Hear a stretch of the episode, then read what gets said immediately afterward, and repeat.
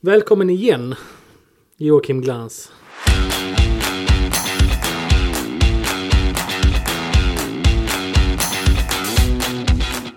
Ja, god morgon och tack så mycket för det. God morgon får, får vi säga. Klockan är ju bara 20 över 9. Ja, men jag var lite sent på det då för jag hade en bil som skulle till service ju. Och det hade jag, kom jag på i- givetvis när jag satte den andra bilen på väg.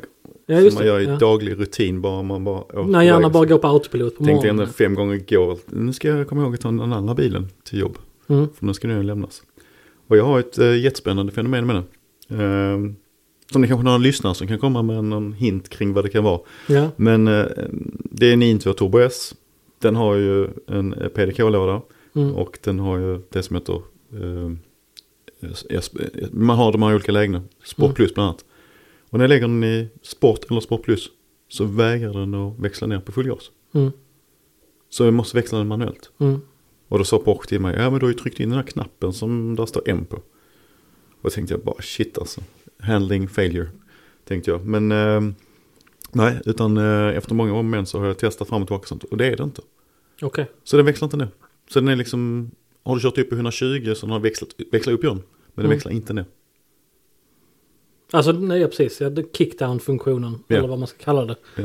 Funkar inte. Och spännande med de här bilarna är inga felkoder. Så bilen har ju varit inne en gång för detta. Men Mm. det finns inga felkoder som säger varför det är så. Mm.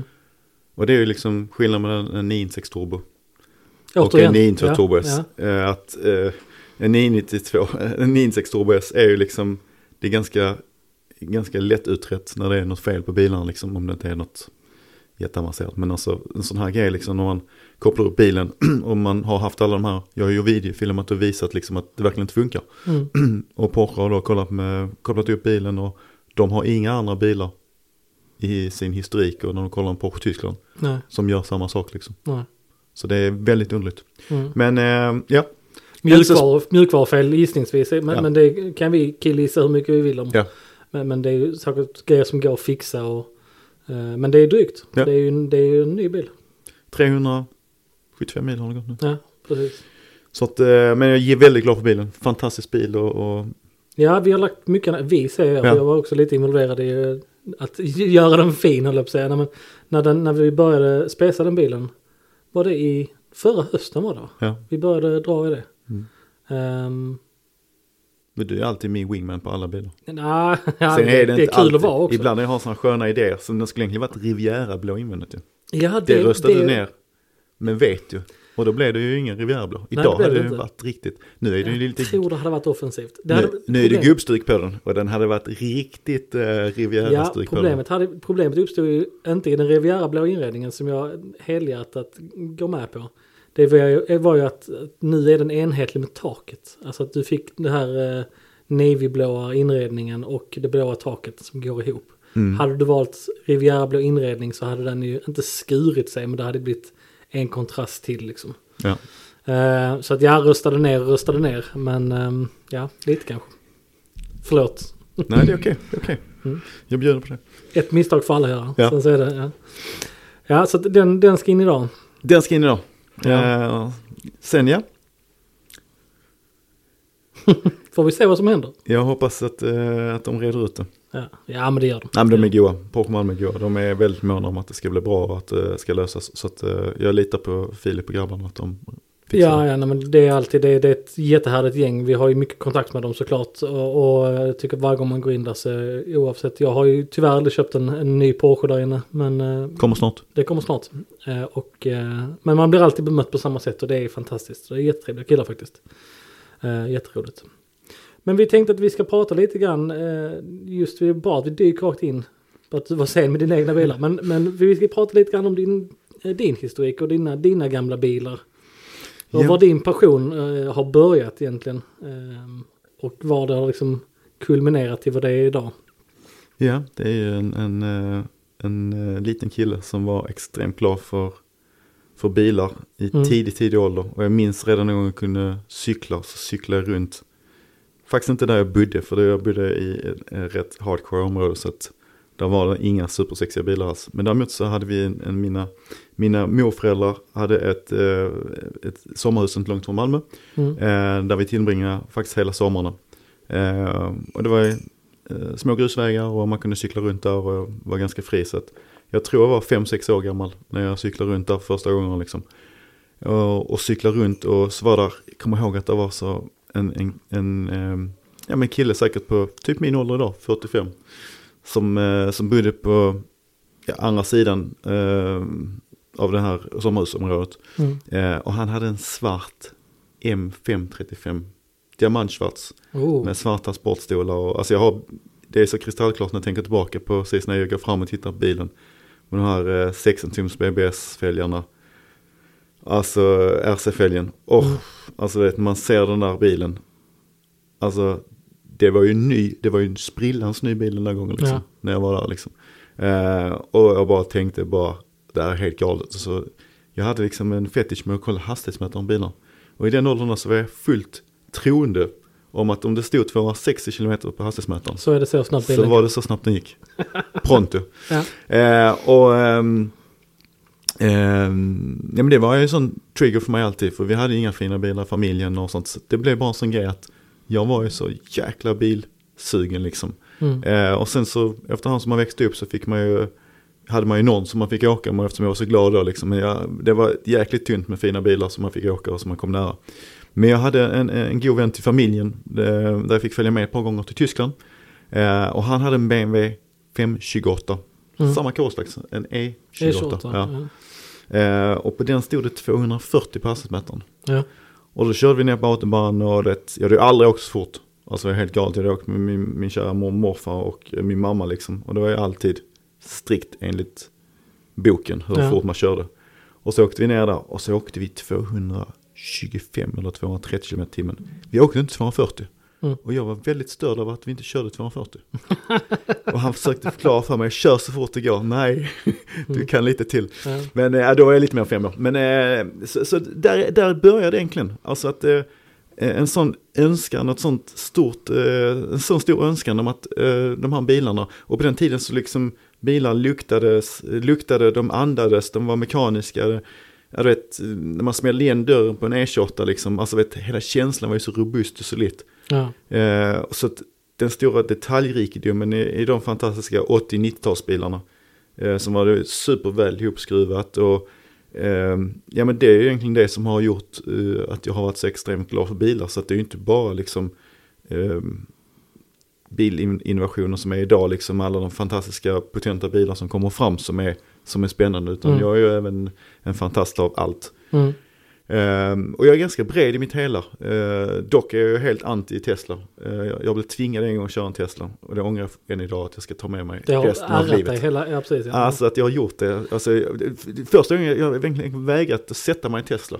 Mm. Jag beställde en taxi en gång i Stockholm. Och då vet man inte vad som kommer liksom. Så kom Mm. det en jävla Tesla. Mm. Så tänkte jag ju fan bestämt att jag aldrig ska sätta mig i en Tesla. Nej, nej, Men det var kallt fruktansvärt. som fan och sånt. Så jag tänkte, ja, skitsamma, jag hoppar in. Mm. Ehm, men eh, så Tesla är ingen eh, stor fan utav och sen eh, 20-talsbilar och där är inte heller någonting. Jag kan tycka det är, är magiskt att se vissa liksom. Ja, men vi, vi nuddade vid det lite grann igår tror jag. Eh, Men, men det är ju generationsbaserat. Alltså det är ju vad man har växt upp och vad man har haft i sin ungdom och vad man har varit runt mycket. Och 20-talsbilar, vi kan ju båda två se tjusningen i det. Eh, Om man kan kastas tillbaka till en tid, en svunnen tid liksom. Um, Men det är inte där, det, det är inte där vi skulle placera våra pengar. Det är även om man kan tycka det är häftigt med liksom de här vulgära formerna som var på ja, 20-talet, 10-talet och 30-talet också. Så är det ju, det är ju inte vår generation. Det är framförallt lite att de där bilarna köper man sån så är det ju inte så jätteanvändbart. Men det som är fantastiskt, om man tar en 80 och 90-talsbil det är ju att har man fina sådana i ett fantastiskt skick så är det ju jättemysigt att ta ut och åka dem. Ja, Eh, och jag har en sån dröm om att det ska göras jättemycket. Sen vet du att den, det klarar jag inte att upprätthålla. De står oftast putsade, undanstoppade, utan batteri. Och kanske någonting att man, nej, borde serva den innan jag kör den efter alla de här jag åren. kan känna att jag är en bidragande faktor till det också. Därför att jag är ju oftast den som när bilen Du får kommer inte köra in. bilar. Nej, du får inte köra din egna bil. Nej, Nej, nej. Det är hårda bud. Mm. Nej, men när de kommer in här nyputsade och nya däck och liksom de är perfekta. Så är man så nej, nu får de inte, nu bor de här inne. Ja. Jag är som en liten hamster. Jag bara Ja. ställer in dem och så, så nej. Mm. Så. Men, men du har ju väldigt mycket fina bilar idag. Eh, och eh, kanske inte alla bilar som är jättekapitalstunga men, men eh, alltså en, en era där man har, 90-talsera där man har växt upp och eh, ja, många modeller där som man uppskattar liksom. Framförallt känslan av de här bilarna. Attributen kan jag tycka någon gång liksom. Med, och när jag snackar attribut så tycker jag det är det som är fantastiskt. Jag går igång väldigt mycket på hastighetsmätare. Hur de är utformade, designade och alla M eller S-bilar eller vad det nu har varit så har jag alltid haft eh, liksom en speciell layout. De alltid, det var liksom ett, ett sånt mantra de hade att eh, ja, men är det en M-bil eller en eh, Audi S eller RS-bil eller en Mm. Mercedes AMG så har den ett annat mätarhus liksom. Mm. Det har jag alltid gillat. Eh, och sen då, ja det var ju, tog du BMWs bilar liksom, det var backspeglar, det var hjulhusen, skärmkanterna där, eh, fälgarna. Alltså, ja, än idag liksom så kan man plocka fram en BMW M5 E39 Mm. och bara liksom faktiskt tänka, alltså jäklar alltså för 25 år sedan den här bilen kom, Mm. jäklar vad den var, Ja, det är fan ångest tänka att det är 25 år sedan. ja det är 25 år, den kom ju 98 va? Ja, sent 98 är det väl. Ja. Ja. Och ehm, alltså vet, tittar man på hjulhus och fälgarna sitter, vi snackar helt original, liksom inga sänkta och grejer Mm. och sånt, utan det är helt original. Så är det ju så svullet och stort och Mm. Ja men avgasrören som bara, du vet, jag kommer ihåg, jag köpte ju en sån bil när den var helt ny. Mm. Eh, och då var det redan då lite tufft att få tag i en snabbt. Men jag hade, ja den ene stöd den andra bröd. Det var en herre i München som hade beställt en sån bil ny. Som Mm. tyvärr aldrig kom till avhämtning. Eh, och då fick jag köpa den så det var en helt ny bil som jag var och hämtade. Eh, och det var, det var en fantastisk upplevelse. Jag kommer ihåg när jag rullade ut med den första gången. Mm. Och man började den här V8 murra liksom. Ju- den var helt ny. Den har gått 1,6 mil eller vad de nu har gått när de rullar ut. Liksom. Man bara tittar ner bara. It's brand new. Och så bara åkte man ut. Avisblå. Mm. Eh, med eh, silver, vad heter det? Silverstone och svart läder invändigt. Ja. Eh, ganska basic utrustad. De hade, den hade Navi som men ingen heritage-inredning eller något annat. Och det var 99, 98 någonstans Det där. var faktiskt en 00 modell. Men det var 00 modell. 99. Okej. Så det var inte första första bilen för det kom ju bilar 98. Mm. Men i Sverige fanns det inga och jag lånade faktiskt ut min bil till, till BMW som hade den på någon Mm. utställning. Ehm, och det var ju en magisk bil. På den tiden bodde jag i Hamburg så jag pendlade Malmö-Hamburg. Mm. Sköna 368 kilometer hade jag mellan bostäderna. Ehm, och ja, där finns ju vissa fart, eh, partier som är fri hastighet och Mm. man hade liksom chans att... Det tog man tillvara på. Nej, jag, jag åkte gärna, gärna sent på kvällarna så jag visste att det var fritt fram liksom och eh, inte så mycket trafik och så. Så att eh, nej, den vägen kan jag ganska bra. Ja. Vet precis när båtarna går och hur man klämmer sig på snabbt och lätt och Ja. första av båten betyder rätt så mycket och första tankstoppet och där kan man hålla full gas här liksom än komma till den tankstoppet där eller nej får vi gå på halvgas för att annars kommer vi inte nå fram och Ja. Så det, det har varit eh, många glada dagar i, i, i bilkörandet där och det, det är en tid som egentligen är lite svunnen för att idag när man åker söderöver, när man, det finns inte de möjligheterna att kunna stå på. Ehm, Nej, och det är många faktorer där. Framförallt så är det eh, markant mycket mer trafik. Eh, Ja men framförallt trafiken snackar jag mycket om. Eh, att det är så mycket mer trafik och ofta vägarbete och sånt. Och på den tiden var det ju det är väldigt sällan. Alltså, alltså det är klart att det var vägarbete på den tiden också. Men det var, det var mycket lättare att åka på tuff ja, liksom. Ja. Ehm, och sen klart i Danmark råder ju, tror jag, fartbegränsning. Det är inte fri fart i Danmark va? Nej, Nej. tvärtom. De är ju eh, superhårda på sina Ja, jag fartbegränsningar. jag såg aldrig en polis på alla de där åren jag körde. Så att, Mm. Sen körde jag inte helt eh, inom 8-5 tiderna liksom. Nej. Jag hade någon gång, hade jag faktiskt eh, någon, någon situation där det var lite så. Eh, de menar på att jag kör för fort, men inte annars liksom. Där de menade på att jag körde Ja, för det fort. var, ja, men jag, jag, jag, jag, skulle säga att jag har varit förskonad för mycket. Så att, eh, jag har faktiskt aldrig varit om körkortet. I, jag blev av med körkort en gång, det var jag 18 år gammal. Mm. Ehm, och det fick jag faktiskt tillbaka igen för att jag hade haft körkort i två år redan. Okej, Jag tog mitt första körkort när jag var 16 för lätt motorcykel. Och då är Ah. prövotiden löpte ut där. Okej. Så det var lite dumdristig körning på, på motorvägen, inget superallvarligt. Eh, men det var så pass som man liksom hastighetsmässigt hade överträtt de här 30 eh, berömda. Och då, då rök ju kortet. Så att eh, tre månader och så Mm. lite skrivningar på det och sånt så blev det en månad. Mm. Eh, men, eh, ja men kört väldigt mycket bil och, och ja men en hel del banor också. Men Mm. framförallt så har det varit mycket eh, turandes i Europa liksom och event och, och grejer liksom. Och det är ju fantastiskt. Alltså Mm. Eh, om man älskar bilar liksom så, så är det ju Jag menar leva med dem. Det är Ja. ju det som är hela grejen. Att köpa bilar som du kan leva med. Bilar du kan använda och det är där Porsche kommer in i bilden. Att åka 911 Såklart, turbo eh, året om vilket du verkligen kan. Sen finns ju begränsningar som jag sa där innan med om man har barn och så så är, så är det lite tuffare liksom när man, Mm. när man får mycket packning och, och bakska, baksätet ska användas fullt ut. Ja. Eh, och där är ju M-bilarna trevliga för att det är helt plötsligt mycket mer Precis. plats och så. Och Audis RS-bilar Mm. är också, har vi också avverkat väldigt många. Har Mm. haft eh, RS4 eh, närmast eh, de flesta generationerna sedan tidigare. Jag hade RS2, RS4. Eh, jag hade eh,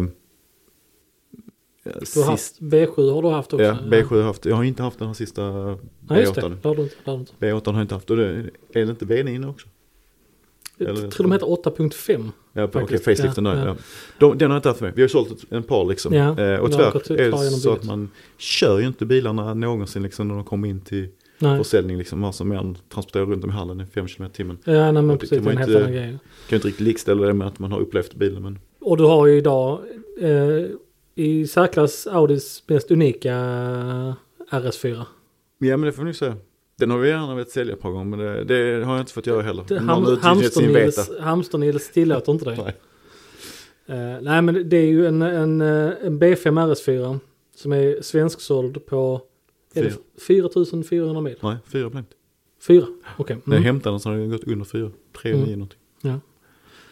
Eh, och är i, ehm, jag har tappat namnet, Bordeaux Violett tror jag färgen heter egentligen. Men Är det inte RAL 63? Han fick ju, om jag ska dra storyn snabbt. För ja, det men är jag ganska, gör det. ganska ja, men du behöver känna att det behöver snabbt. Det är, det är därför vi sitter här. Ja men det är för jag är så långt framåt. Det är alltid så långa utläggningar. Så Klo- klockan snabbt. är 20 och i, nej, 20 i 10 nu. Är jag hemma strax efter fyra så är jag nöjd. Early Bird. Eh, Okej, eh, nej men det var en ICA-handlare som köpte den här bilen ny i 2000, eller 2001. 2001. 2001. Ja. Mm. Ehm, han köpte den ny, beställde den eh, och ville ha den i Televerkets orange Mm. i sin beställning. Och det hade de eh, pingat in allting. Det här är efter sägen för den bilhandlaren som jag köpte bilen av. För eftersom han var första ägaren utav bilen. Och de hade också hjälpt honom att beställa den. Så de har varit inne på den lokala Audi-handlaren då i den här byn som jag inte kommer ihåg var det var någonstans. Eh, och han hade varit med och, och beställt den här bilen. Och säger, säger att han vill ha den i Televerksorange. Eh, varefter eh, de tar beställningen och allting och sen så kommer det tillbaka ett tag då liksom att nej men Audi Tyskland har sagt att eh, du kan få välja en färg liksom men det blir inte Televerkets orange liksom. Eh, Den bilen gick inte, alltså den färgen gick inte igenom. Ehm, och det var jäkligt konstigt att, inte, alltså att de satte sig emot det. Ja. Och då fick han en rallkarta och välja en färg. Och då Ja. tror jag det var rall 63 som är den här färgen då som Mm. vi kallar eh, Och ehm, han köper bilen ehm, och han har ju varit, där finns fakturor till den bilen på 700 000. Mm. Och då är det inte en skruv på bilen som har gått sönder. Ja. Utan 700 000 i förädling. Och eh, jag, när jag köpte den bilen så var det ju ingen som ville köpa den bilen. Så Nej, när, när jag kom upp där köpte så förädlad. väl? märkte, märkte han bilhandlaren var så jäkla glad för att jag kom upp där och, och så. Tittade på den här bilen liksom. Men den hade ju ett fullt Reiger-paket. Mm. Eller Riger. Rigo, ja. Riger. Eh, med dubbelpipigt av- avgassystem bak. Eh, dyraste BBS-fälgarna, någon Forge-variant. Eh, bytt bromsar, eh, trimmat till 550 hästar. Alltså det var lagt så mycket pengar i bilen. Kolfiberhuvar och... Ja, kolfiberhuvud också. Eh, och jag tänkte bara så, den där köper jag. Mm. Och så bygger jag tillbaka den till original. Sagt och gjort, jag köpte den. Eh, och så säger han, jag har originalkofångare till den också. Och jag blev så gudaglad. Mm. Eh, men det visade sig att de där originalkofångarna hade de ju slaktat fästena på den. Så att, Varför eh, det? Ja men de hade bara varit burdusar. Jag tror de hade tagit de där fästena till de andra Ah, ja. Rigo-kofångarna för att Mm. få det att funka. Så de var helt slaktade på insidan. Och då är, kan jag berätta att köper ni någon gång ett par kofångare till en bil och inte de här fästena finns. Så titta efter ett par andra kofångare. För det är helt omöjligt. Eh, och, och få rätt på det liksom. Mm. Ehm, så att då ehm, skulle jag sätta igång och leta upp original avgassystem, original fälgar, original huv. Eh, och jag köpte den här bilen ändå i 2014, 15 tror jag. Jag tror det kan vara innan vi träffades. Ja, Ja. långt innan det. Ja. Men, ehm, och tänkte att jag ska bygga tillbaka den här bilen bara. Och, och ska börja leta delar. Och redan då var det ju slut hos Audi. Så ett avgassystem skulle kosta 48 000 kommer jag ihåg så väl. Kul. Om det fanns ett, men det fanns inget. Nej. Så det var bara att börja leta. Och givetvis kom ut på Blocket. Så var det för 3 000 kronor. Så. Som var avtaget precis när bilen var ny. Och så hade de satt på ett sportavgassystem på den bilen. Ja. Så jag köpte ett nytt från Blocket för 3 000 Mm. spänn. Det var jag helt nöjd med. Hittade även fälgarna för en sån struntsumma, 4-5 tusen. Ja. Eh, RS4-fälgen är ju speciell. Den har ett annat djup och en annan Ja, bredd ja, på ja. fälgarna. Den fälgen finns ju på ganska många bilar men den ser inte exakt likadan Designen ut. är rätt så, den var rätt populär på, för Audi där. Ja, Den tiden, men det men är ju olika fälgar. RS4-fälgen är ju Mm. väldigt speciell. Så jag köper och bygger om den där bilen. Eh, och idag är den fanta mig perfekt. Alltså vi har gjort allt. Jag har bytt så det är original turbos på den och Mm. det enda vi har sparat på den bilen det är att det sitter, är det Movit bromsar? Eller stopp? Nej, AP-bromsar är det på den. AP-bromsar. AP-bromsar och den är väl eh, fortfarande på, eh, om det är sänkfjädrar eller om den är coilovers. Ja, jag tror det är Coilovers. Ja, coilovers lär Ja, väl vara. ja. Typ Bilstein eller något liknande. Ehm, och det, det tycker inte jag gör bilen ont, varken bromsarna eller chassit faktiskt. Den, den, den ser lite und ut. Och det jag gillar, och återigen det är där med de här breda skärmarna. Breda skärmarna och hela attributet av den här Ja, bilen. Det är som ja. en liten padda på vägen liksom. Och framförallt när man kör den så är det en fruktansvärt rolig bil att köra. Ja det är det. Alltså, Jag har haft den goda förmånen att, att stjäla den från dig Ja. i ja, det dryga dygnet. ja. Eh, det är faktiskt en, en, fantastiskt rolig bil även idag. Alltså, man kan ju tänka att jag har 380 häst, vilket den säkert inte har egentligen. Men, men, men eh, 380 häst är kanske inte så jättemycket på pappret. Men karaktären i motorn och chassit och hela kombinationen. Att det är faktiskt en ganska liten bil idag. Det är en A4 kombi, men det är ju inte vad en A4 kombi är idag. Nej, alltså kör, kör, körkänslan i den bilen är, är fantastisk med den, den fyrhjulsdriften, hur den uppför sig. Um, det är liksom en, det är liksom en, det är en sån svunnen tid i, i bilvärlden. Den, den, den påminner om en, eh, närmast om en, eh, man kan känna liksom under huden så är det nästan som lite som en rallybil så som uppför sig. Och Mm. ljuden som kommer fram när man kör den. Och, ja, den är jäkligt potent. Rallybil är ju syns här för det är mycket mer aggressivt. Men den Mm. har liksom de där, idag finns ju inget sånt alls. Liksom, Nej, hoppa in i den här så nej. liksom. Eh, och jag hade faktiskt eh, på en tidpunkt, eh, tyvärr är det så att plånboken alltid är för liten. Men jag hade så, fick förmånen att förmedla en, en svart RS4 också som Ja, hade gått 3000 mil. Mm. Som var MTM-trimmad. Så Mm. den hade, det var inte så vansinnigt mycket hästar. Jag tror den hade 470. Mm. Men det var 480 tror jag det var på dem. 480, Ja. 480, ja, 480 gånger. Och alltså det var så, och det kan sägas att den pösen hästkraft till. Alltså jäklar vilken känsla och upplevelse det var Jag, jag tror där är nog precis gränsen på det chassit. Vad som är, Mm. passar bilen om man Mm. säga. Det är klart man kan alltid göra en bil snabbare men jag tror bara att strax under 500, mellan 450 och 500 så trivs nog de bilarna riktigt bra. Alltså vi, när vi sålde den bilen, tror det är fyra, fem år sedan vi sålde den, då kämpade vi för att få ut 500, om det var 550 000 Ja. kronor för den bilen. Alltså den bilen idag hade ju sålt på en timme för en miljon kronor. Ja, Det är ju ganska galen utveckling. ja det är det. Och framförallt, hade, hade fler fått veta hur den var att köra och åka så hade priset gått upp ännu mer. För att det är liksom, det är en helt overklig känsla. Mm. Och det är ju en bil som man, sköter man och vårdar den så tar du med den i graven. Mm. Den kommer hålla alla år liksom. Den är ju väldigt mekanisk och Ja visst är det det är liksom så lite elektronik. Det var ju en bil som jag kollade på efter min E39. Ja. Faktiskt. Eh, Tyvärr hittade ingen. Det var ju, har alltid varit en sån bil som att, att hitta en fin med rimliga mil och liksom rätt historik. Det är ju svårt som, som spettet. Och det har ju varit det rätt länge och idag är det ju så nära som min på omöjligt att hitta en bil som är, eh, är bra liksom. Jag hade en svart svart RS4, en 01. Som jag köpte av en eh, tysk som var arkitekt. Jag åkte Mm. ner i Tyskland och hämtade den och de kostade ingenting då. Så jag tror jag gav 34 000 euro för den. Mm. Eh, 6 000 mil.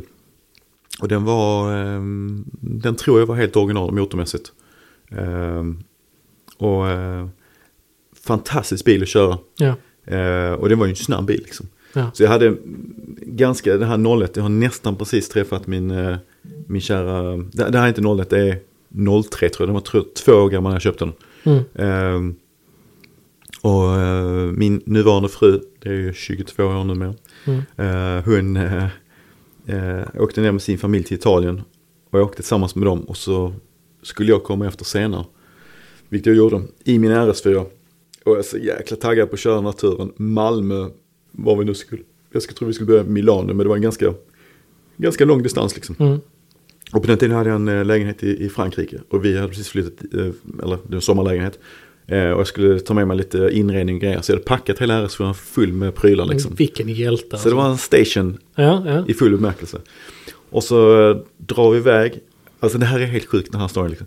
Och du vet, alltså jag tror jag hunnit en halvtimme. Mm. Så slutar turbon att funka. Oh, kul. Så den blev liksom från att vara liksom ett monster. Men tänk efter, jag undrar om den var original eller om jag kom fram till att den var lite trimmad liksom. Att den var kanske 420 hästars. Det fanns ju Mm. ett sånt kit Mm. också. Men de sa att alla bilar hade 420. Det fanns inga 380. Det var Det- någonting med turbon och de satt på några andra turbo. Att de, inte, de hade ju inte tillräckligt, alltså när de började göra bilen så designade de det med en, en turbosetup. Och sen så visade det sig att de leverantörerna av de aggregaten kunde inte leverera. Nej, så var det. Eh, så att de fick använda eh, det som heter eh, Triple K eller KKK-turbos Ja. på, på de senare bilarna. Det kommer jag ihåg, den storyn, jag vågar inte säga det innan, tänkte det, om den inte stämmer så, så måste det vara en gall. Men det Ja, har jag också hört. Jag tar chansen. Ja, bra. Eh, och, men jag körde den här bilen och den gick ju så bra så in i tusan liksom. Och det är som jag säger att den hade ju fina siffror på papper. Mm. Alltså det var en snabb bil liksom. Men vet idag är ju inte 420 hästar någonting. Om det var nu det den hade. Mm. Men den var jäkligt snabb alltså. Det pinnade på bra och det, det var liksom. Det var bromsar på dem och mycket bättre än det var på M-bilarna. M-bilarna har ju jäkligt känsliga bromsar när man No- åker till Notorisk fart. svag punkt på 00-talets eh, M-bilar. Ja, eh, men det funkar bra på RS4. Men även de kände mig, om man åkte mycket autobahn som jag gjorde en gång liksom, så fick de mycket stryk också. Så man, eh, man fick planera sin körning lite när man Ja. körde fort liksom. Men i alla fall, så de där turborna lägger av. och det visar sig senare, kan man berätta nu, att det var någon insugsbox med en, en liten, nu är inte jag mekaniker, men en liten tråd eller något, något liknande. Som är någon som form av sensor som gör att Ja, en, den, en, en eh, MAF-sensor. Alltså ja, typ, ja. mäter eh, mängden luft, Luft, som den ja. drar in i. Mm. Och den kostar inte många kronor att köpa, typ 3-4 tusen kronor. Men den, den jag gav ju givetvis precis upp när jag skulle åka på den här turen. Så jag körde ju då liksom utan några turbo. Det vill säga att den kändes som, jag vill beskriva som någonstans mellan 110 och 140 hästkrafter bil. Fantastiskt. Och det är lite som vår Caddy idag. Ja, Det är lite den känslan. Och då är det inte lika roligt att Tycker dra jag- igenom Tycker Tyskland. du liksom. trackar ner på caddien i och för sig. det. Nej, men vet, li, lite så, dra igenom hela Tyskland med, Ja. med de här fartresurserna. Jävligt cool bil. Alla som körde om mig och, ja men det var inte jättemånga som körde om mig, men det var det ändå för att den orkade inte riktigt efter 140-150. Det hände Nej. ingenting där liksom. Nej. Så jag kunde inte åka. Jag tror, jag tror det var toppfarten på den, typ, Mm. när jag körde. Det gick inte snabbare. Och köra snabbare. 160 kanske, men alltså det var absolut inte snabbare så. Och så, ehm, givetvis på en påfart, då kommer jag körande så jag åker på allt vad det går liksom. Så på en påfart Mm. så jag åker liksom parallellt så bara liksom bara ser jag någonting som bara tänkte fan det, det är någonting som jag åker på liksom. Så ser jag bara någon som drar på liksom ner för backen ut på motorvägen liksom och så bara bara sticker framför mig liksom. Om inte en annan RS4. Oh, Silver tror jag den var Ja. om jag minns rätt. Och det, han har ju sett mig. Så vi är ju side by side där liksom. Och du vet, han måste tänkt så att vilken jävla kärring som kör där liksom. Ja. Och så bara vet att det var glans som aldrig hade vikt ner för någon som helst joint race Nej. through Europe. Nej. Alltså, men det gick ju inte. Jag åkte redan fullt liksom. Så han bara, pff, han bara försvann liksom. Och så var han borta typ i två minuter. Sen Mm. blev det någon trafik eh, tam-tam. Och då kom jag fanta mig upp bakom honom igen liksom. Och så la jag där bakom honom och så helt plötsligt öppnade det upp sig igen. Och så Mm. tänkte han så här, nu, nu kommer jag liksom, eh, så han, han visste ju om att han hade en RS4 bakom sig. Och så bara drog han på allt vad det gick igen liksom. Och det jag tryckte på gasen, det hände ju precis ingenting. För Mm. vi körde redan i typ 120 så att jag hade ju typ fyra minuter upp till toppfart som var 160. Fy, Eh, ja. ja, det var så sjukt knäckande och jag kommer ihåg det hur irriterande det var. Jag visste inte vad jag skulle bli av. Jag visste faktiskt inte vad jag skulle, alltså, jag ska köra hem och byta bil, ska köra in på Ska jag köra hem? Övernattning Står i Tyskland. Ska jag köra hem och byta bil? Nej men jag var sån, ska jag köra in och bara ta en övernattning någonstans där det finns en AD-verkstad två nätter och bara få Mm. ordnat det här skitet så att så det löser sig. Men hur det än var, jag kom, fram kom jag liksom och det var, det var liksom, det var jäkligt gött. Det var ju inga risker för någonting. Mm. Varken fortkörningsböter eller någonting, stenskott eller, det fanns ingenting att vara orolig för längre för att det gick ju inte fort någonstans liksom. Hur som, så vi körde Italien-turen och sen skulle vi då vidare till Frankrike och- lasta alla grejerna i, i, där och så. Och eh, då åkte in till, ett, eh, till en AD-verkstad för att fick löst det. Och kom ihåg, jag lämnade in bilen, jag kommer så väl ihåg att de löste sig, jag fick hämta ut den en lördag morgon. Jag tror jag lämnade den fredag. Mm. Och de sa det är inte öppet och så, men jag kommer hit här och jag blev lite kompis med en som, som jobbar i den AD-verkstaden. Och det var lokalt i den lilla byn, så var det en Mm. Audi Volkswagen-verkstad. Så de löste det. Och jag kommer så väl ihåg, jag gick upp till den här AD-handlaren. Från där jag bodde i Mm, lägenheten. En tidig morgon. För han sa jag är här sju. Bra, jag kommer sju. jag. Och det var liksom så liksom, man kände liksom, det var lite så dis på gatorna fortfarande och sånt där i, i Antibes var det. Och så hämtade jag bilen och får ut den och jag kommer ihåg det var ingen trafik så tidigt på en lördagmorgon i Frank. Det är liksom helt fria med rundeller och grejer och sånt. Och jag drog järnet med den bara för att konstatera att det funkar liksom. Och det funkar. Fan vad det gick alltså. Och så upp till en bagare som jag brukar gå till. Handla mina baguetter och så hem och så parkera så, så jävla nöjd med att bilen återigen fungerar. Så det är sånt ett kärt minne som jag faktiskt inte har nästan tänkt på sedan den gången. Det, det är ju en, en sån story som eh, driver folk som oss. Alltså när man är med om någonting Ja. sånt. Det formar ju en. Alltså den morgonen, jag vet precis vad du menar. Ja. Det, ehm, Sen var jag, jag var inte så gammal en gång så man var väl lite mer driven. Idag kanske jag inte hade hämtat bilen sju på morgonen en lördag. Jag kanske väntat till måndag, kanske. Men ja, det tror jag nog du hade gjort. ja, jag har stillat min hunger lite så. Men, eh, och den biljäkeln där bytte jag in hos uh, Gustav Lund som ägde Porrcenter Helsingborg tidigare. Mot en ny Carrera S som var en sån här för, förseriebil. Mm. Och jag fick 300 i inbyte, kommer jag ihåg så väl. Och då, då hade den kanske gått 7000 mil. Liksom. Ja. Och det är en sån bil som man skulle aldrig sålt. Nej. Man skulle bara ställt in i ett garage, glömt bort var nyckeln var, rivit papperna Ja. och så bara haft den forever. Den var magisk den bilen, svartsvart bil. Eh, och det har jag faktiskt haft. Jag har haft vissa drömmar. Mm. Det, man oroar sig för alltid. Mm, Som människa är man ju så att har man någonting man oroar sig så brukar det ju komma tillbaka i några drömmar. Och jag hade faktiskt en dröm en gång. Om att jag ägde en jäkla massa bilar i ett garage. Ja. Men jag kommer inte ihåg vad garaget var. Sofiedalsvägen 1. Nej, det var Nej. inte det. Det var så jäkla galet. Så jag vaknade upp på morgonen med nästan sånt hugg liksom bara. Men inte är det så att jag har några bilar som jag inte vet var jag har parkerat dem? Men den här drömmen var, den tog mig långt ut. Och jag var faktiskt mycket bekymrad när jag vaknade. Alltså jag vaknade med sånt hugg liksom. Ja. Att det var så många bilar jag egentligen ägde och visste inte var de stod och sånt. Sen vaknade jag och så kollade jag bilregistret och så konstaterade jag, nej, jag vet alla bilar jag har. Och jag vet Det- precis jag, var har, de jag har koll på det. Ja, alltså, vet, det var inte så liksom. Men du vet, eh, all, alla, alla saker som kan hända för en människa, så, eh, det, det är en sån sak som, eh, som är helt orealistiskt. Men ehm, ja, så det, finns många bilar som, som har talat varmt i hjärtat. RS401, Mm. BMW M-bilar har jag avverkat många. De är ju Mm. fantastiska. Eh, och jag har varit väldigt så konsekvent med mina bilägande. Det har varit mycket Audi, BMW och Porsche liksom. Ja, det, alltså, BMW-bilar, där har du ju egentligen allting som är speciellt i BMWs värld. Mellan, ska jag våga säga, mellan 90 och 2023 har du väl ägt i någon utsträckning. Uh, alltså vi pratar M-bilar och, eh, Z8 och hela den paletten. Har du haft en Z1? Nej, faktiskt inte. Åh, det är dags. Jag hittade en till dig igår. Jag såg det. Mm, mm. Ehm, och, och RS-bilar likaså. Och Porsche, det var du rätt tidigt inne i. Mm. När blev första Porschen? Första Porschen var 17 år. Ja. Väldigt dåligt med pengar. Eh, min, jag hade precis satt det här lätta motorcykelkörkortet. Körde lite motorcykel. Och min kära mormor som eh, hon lämnade för många, många år sedan. Men hon var en stor del av mitt liv. Och väldigt mån om mig. Och skapade den personen som jag är idag liksom. Mm. Till stor del liksom. Så hon var min, hon var min extra mamma med ett stort plus. Eh, och även min morfar liksom. Som jag bodde och var mycket med när jag var ung liksom. Mm. Ehm, hon sa till mig så här, Joakim, vet du vad sån? Jag lånar dig pengar till en bil. Om du lovar mig att inte köpa tung motorcykel. Mm. Ehm, sagt och gjort så tyckte jag det lät som en jättebra plan. Mm. Ehm, för jag var jättesugen på en bil. Mm. Och då köpte min första Porsche. Och det var en eh, champagnefärgad, jag köpte den i Bjärred. Champagnefärgad 944. Eh, från 1984. Tyvärr, 85B fick de det nya instrumentet. Ja, ja. Men 84 var det här gamla med de runda. Och den var ju brun invändigt med, med beige inredning.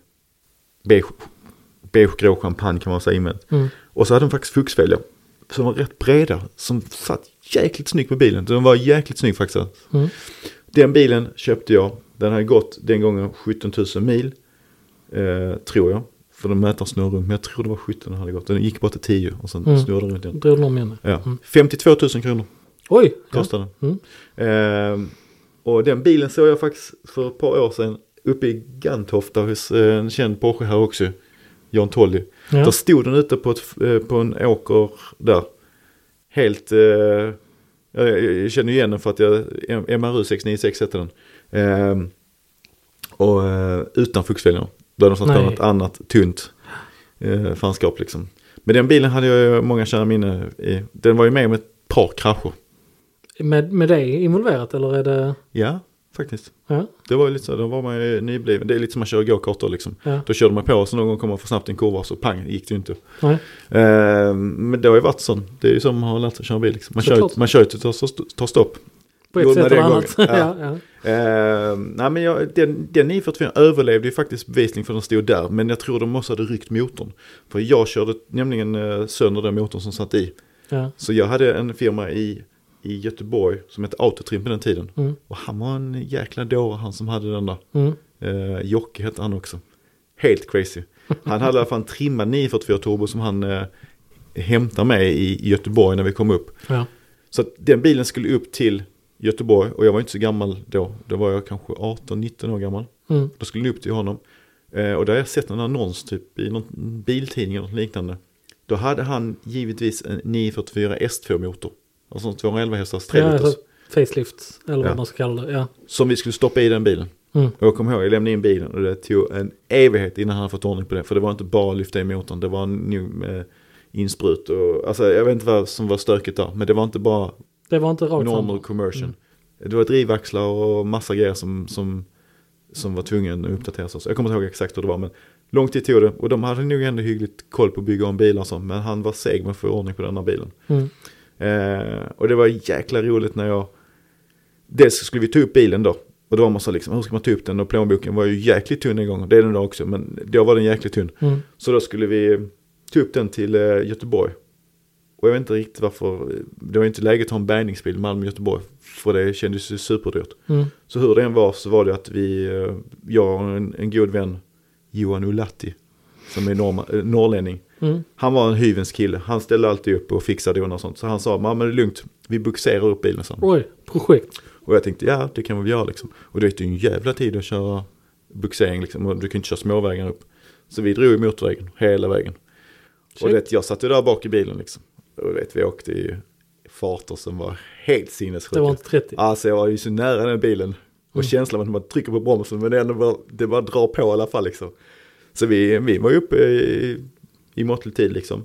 Eh, och mötte han här eh, Jocke som heter för Autotrim. Som var liksom, jag är inte så gammal så jag har inte haft så många bilupplevelser på den nivån då liksom. Då hade han en 500 hästars 944 turbo. Mm. Alltså var något så in i helskotta. 480 eller vad det nu var i den. Men det var drygt 500 hästar i den. Livlig bil. Alltså det var helt sinnessjukt. Hoppar in på Avenyn i baksätet tillsammans med Johan Latti som redan den gången var en riktigt stor kille. Alltså han var bara en hyddig kille. I baksätet, Jocke, han hade sin kompis med. Så vi var fyra man i den här 944 turbon. Så att han satt ju typ med hakan i ratten när han körde. Och så skulle han ju givetvis eh, demonstrera hur den här bilen gick liksom. Och jag satte där bak inklämd i bilen och han tryckte på på Aveny, eller inne på Göteborgs de här stadsgatorna Mm. något så in i baljan. Och jag tänkte det här är helt sjukt liksom. Och då, då blev jag så liksom att jäklar alltså, man kan få fart på en turbo alltså. Mm. Det var helt galet. Ehm, fick tillbaka den här bilen. Hade den i faktiskt ganska lång tid. Ehm, sen såldes den bilen, sen köpte jag faktiskt en riktig S2. En 944 S2. Mm. Så det var en, jag tror nästan att det är bil två eller tre i mitt liv som jag äger. Och den bilen var jag jätteglad för. Den var svart, svart. Eh, eh, D90-fälgarna, flaggspeglar. Den var, den var liksom bara, den var helt orörd liksom. Ja. Låga mil, jäkligt fin bil. Och den var en fin bil tills jag fick sladd inne i Landskrona. Framför rådhuset. Oj, Jag parkerade den inne i rådhuset. du gjorde det? Ja, och Ja. då var det, vad heter det, Landskrona radio och sånt. De hade hört smällen ju. Så jag var i direktsändning. I direktsändning där de bara säger så här, du det ser ut som en eh, svart bil har kört rakt in. Nej det var en bank som var där. Men det var Rådhustorget så var det nu. Vi Ja. körde rakt in i banken. Eh, ingen kom givetvis till skada, men bilen var ju skrot. Eh, och de fem, sex cyklarna som har stått längs den husväggen, de var, de var numera ett monument i husväggen. De Oj. var helt platta. Mm. Eh, Sitter där än idag om ni vill besöka Ja, banken? ja, det är ett, ett, ett turistmål. Ja, turismen. Eh, men ehm, så där gick också en bil åt skogen. Och sen har det varit ett par till liksom. Men, men inga stö- större incidenter. Det är nog den största grejen jag varit med om. Ja. Jag har också en GT3 på Nybring. Det var varv tre eller varv sex. Kommer inte ihåg hur Ja. många varv jag hann. Nej men det, var, det gick ju skitbra. Det gjorde Alltså du? vet, det var en helt ny GT3. Det var jättebra grepp och jag kände mig Är, det jättekonfident. 996? 96 GT3. Ja. MK1. Eh, en av de absolut sista ever tillverkade. Mm. Eh, köpte den från Porsche Banevingen 6 i Köpenhamn. Porsche Center där. Mikael Lassen var det den gången. Det var han jag var senare var kollega med och drev Ja, Eh, okej. Ja. Lamborghini tillsammans med. Mm. Men eh, det var första gången jag träffade honom och jag kommer ihåg att jag skulle förhandla priset på den. Mm. Han var stentuff. Det var ingen förhandling då. Eh, och så var det ju kassettbandspelare i den här eh, bilen. Mm. Och då sa jag till honom så du om vi kunde lösa en CD istället så är jag happy liksom. Mm. Och då var, var efter han bara sa till mig så du sa han, vill du ha bilen eller ska jag ringa någon annan? Okej, nej men det blir bra med kassettband. Så. Så den köptes precis på kronan vad det skulle kosta. Mm. Eh, dansk bil, köptes, importerades till Sverige. Eh, och så blev den, eh, nej jag tog faktiskt en tysk, jag bodde i Tyskland då. Mm. Så det blev med tyska skyltar. Så den var tyskregistrerad. Och då var den fullt försäkrad på Nürburgring. Oj, Så att ja, det var, på den tiden var det så. Och Mm. Nürburgring var ju, i många, många år var det ju liksom fullförsäkrat. Eh, för Mm. att det ansågs ju som en enkelriktad motorväg, Mm. ingen bana. Mm. Det var ju först för 10-12 år sedan som alla försäkringsbolag sa att ja, Fick upp försäkring ögonen gäller för dem. överallt men dock inte på som Ja. anses som, eh, eh, ja, det var alltid sån avvikelse i, i försäkringspolicyn. Men den där bilen köpte jag eh, och, och eh, jag hann inte så långt i den från jag skulle ner på Nürburgring och köra skuderian. Mm. Eh, och givetvis skulle jag värma upp lite innan så att jag började med att jag tillsammans med min gode vän och vapendragare den gången eh, som jag hade ett företag som hade jag precis köpt in ordnat en 996 turbo till honom. Eh, som jag också köpte från Porsche Danmark. Eh, och det var lite så halvroligt för när man åkte G3 och 996 turbo på motorväg. Vi körde ju på natten. Mm. Så skulle vi köra till, eh, nej vi körde inte på natten, vi körde på dagen. Mm. Och vi hade faktiskt eh, bestämt med Gustav Lund att vi skulle köra dit tillsammans. Alltså han som ägde Porschen till Malmö tidigare. Mm. Vi skulle köra dit tillsammans. Ehm, och han hade bara sagt så, Nürburgring liksom. Och det, på den tiden fanns ju inga navigationer som funkade. Det var precis innan navigationens tid.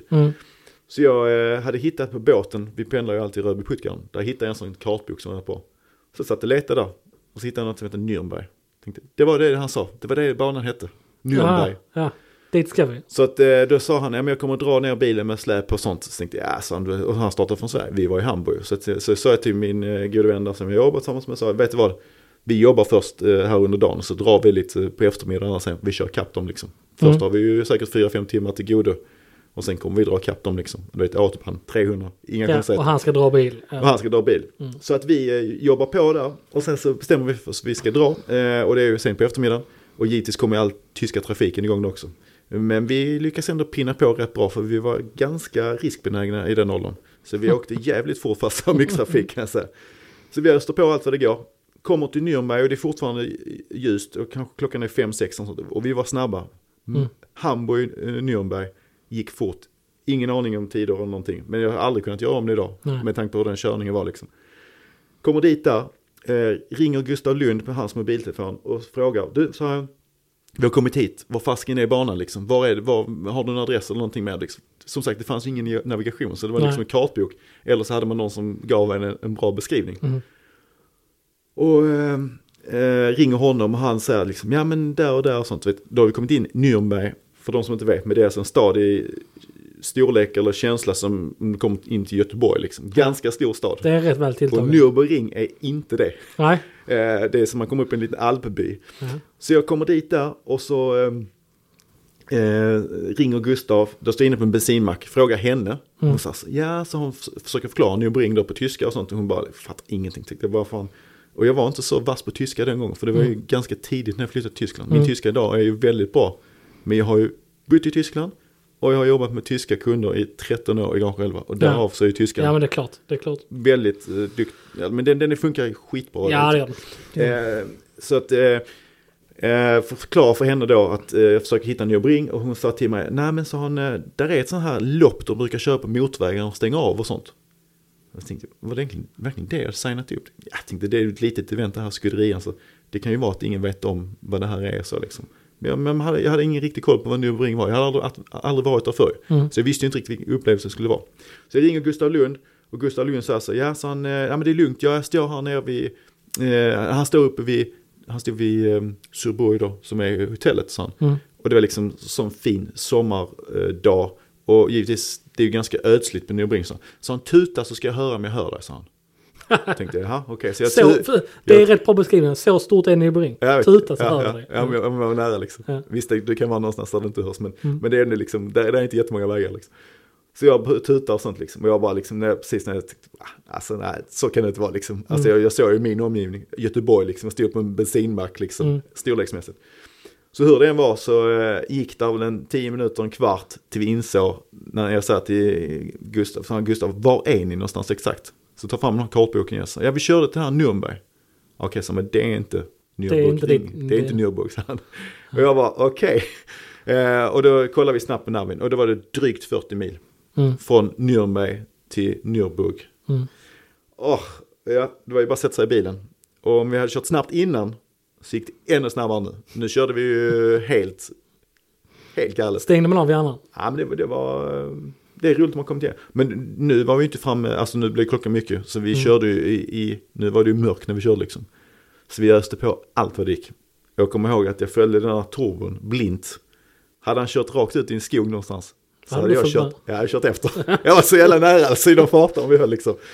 Men, eh, och det var lite skrämmande också för när han bromsade från 300 så kändes det precis som att han hade lite bättre bromsar. Allting var lite bättre i turbon än det var i G3. Mm. Det var ju lite mer spökigt. Givetvis var det bättre i G3. Vi hade lägre vikt och allting var säkert bättre där. Men just när det gick fort och jag vet, alltså jag åkte i den, hans turbo väldigt många gånger och jag fick köra den någon gång också. Och det kändes ju bara som att man kunde hantera den bilen precis hur som helst utan att det var liksom någon som helst Ja, situation liksom. Precis, och det är ju det som gör turbon. Ja. Det är som skillnaden med en RS och turbo liksom, Så att eh, man, man behöver inte ha några risker. Men eh, vi kom fram till ringen och ehm, eh, checkar in, eh, checkar in på hotellet och allting och var ganska sliten efter den turen. Att eh, dra ja. Nürnberg först innan vi drog Nürnberg ring och alltså vet, planen på morgonen att vi skulle köra kapp Gustav var liksom, eh, det var det jag såg framför mig lite att jag skulle köra upp och bara tuta när vi gled förbi liksom. Ja. Där var jag ganska långt från, jag var väl sex timmar söder om det, det, det strecket. Fan, ja. Eh, men eh, vi kommer dit där och, och eh, vi får kört. Eh, och jag hinner ut, om, som jag säger, om det är tre eller sex varv. Men som sagt, jag kommer inte riktigt ihåg eh, någonting av banan. Så det var alltid liksom som surprise när man kom över ett krön. Det höger och vänster. Och på den tiden så fanns det ju inget, det fanns liksom inte, man kunde inte sitta och spela spel och göra alla de här grejerna som man kan göra idag. Precis. Utan eh, jag kommer ihåg faktiskt det första året där, så var det en instruktör som gjorde en sån här superfin, eh, de kallade det ideal line, de fick Mm. mm. ett kompenje.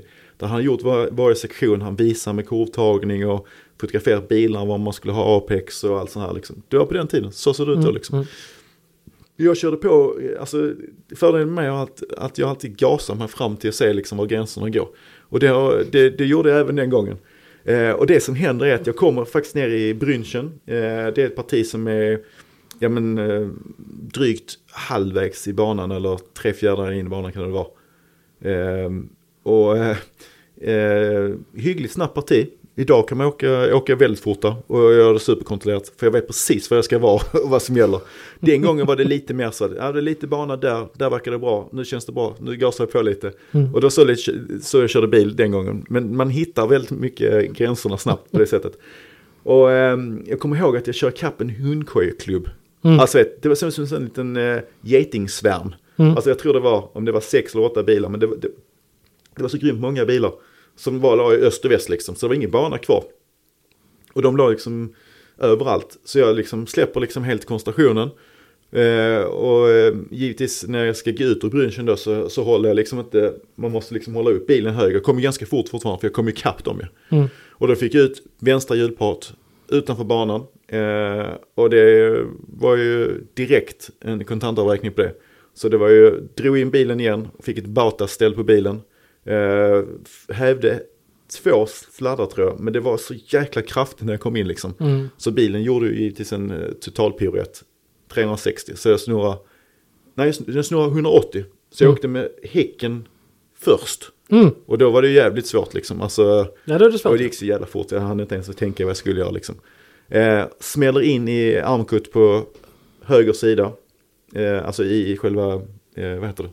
I räcket. I räcket ja. Mm. Ehm, och var jävligt chockad. Eh, perfekt var ju att, eh, nej för jag går ut.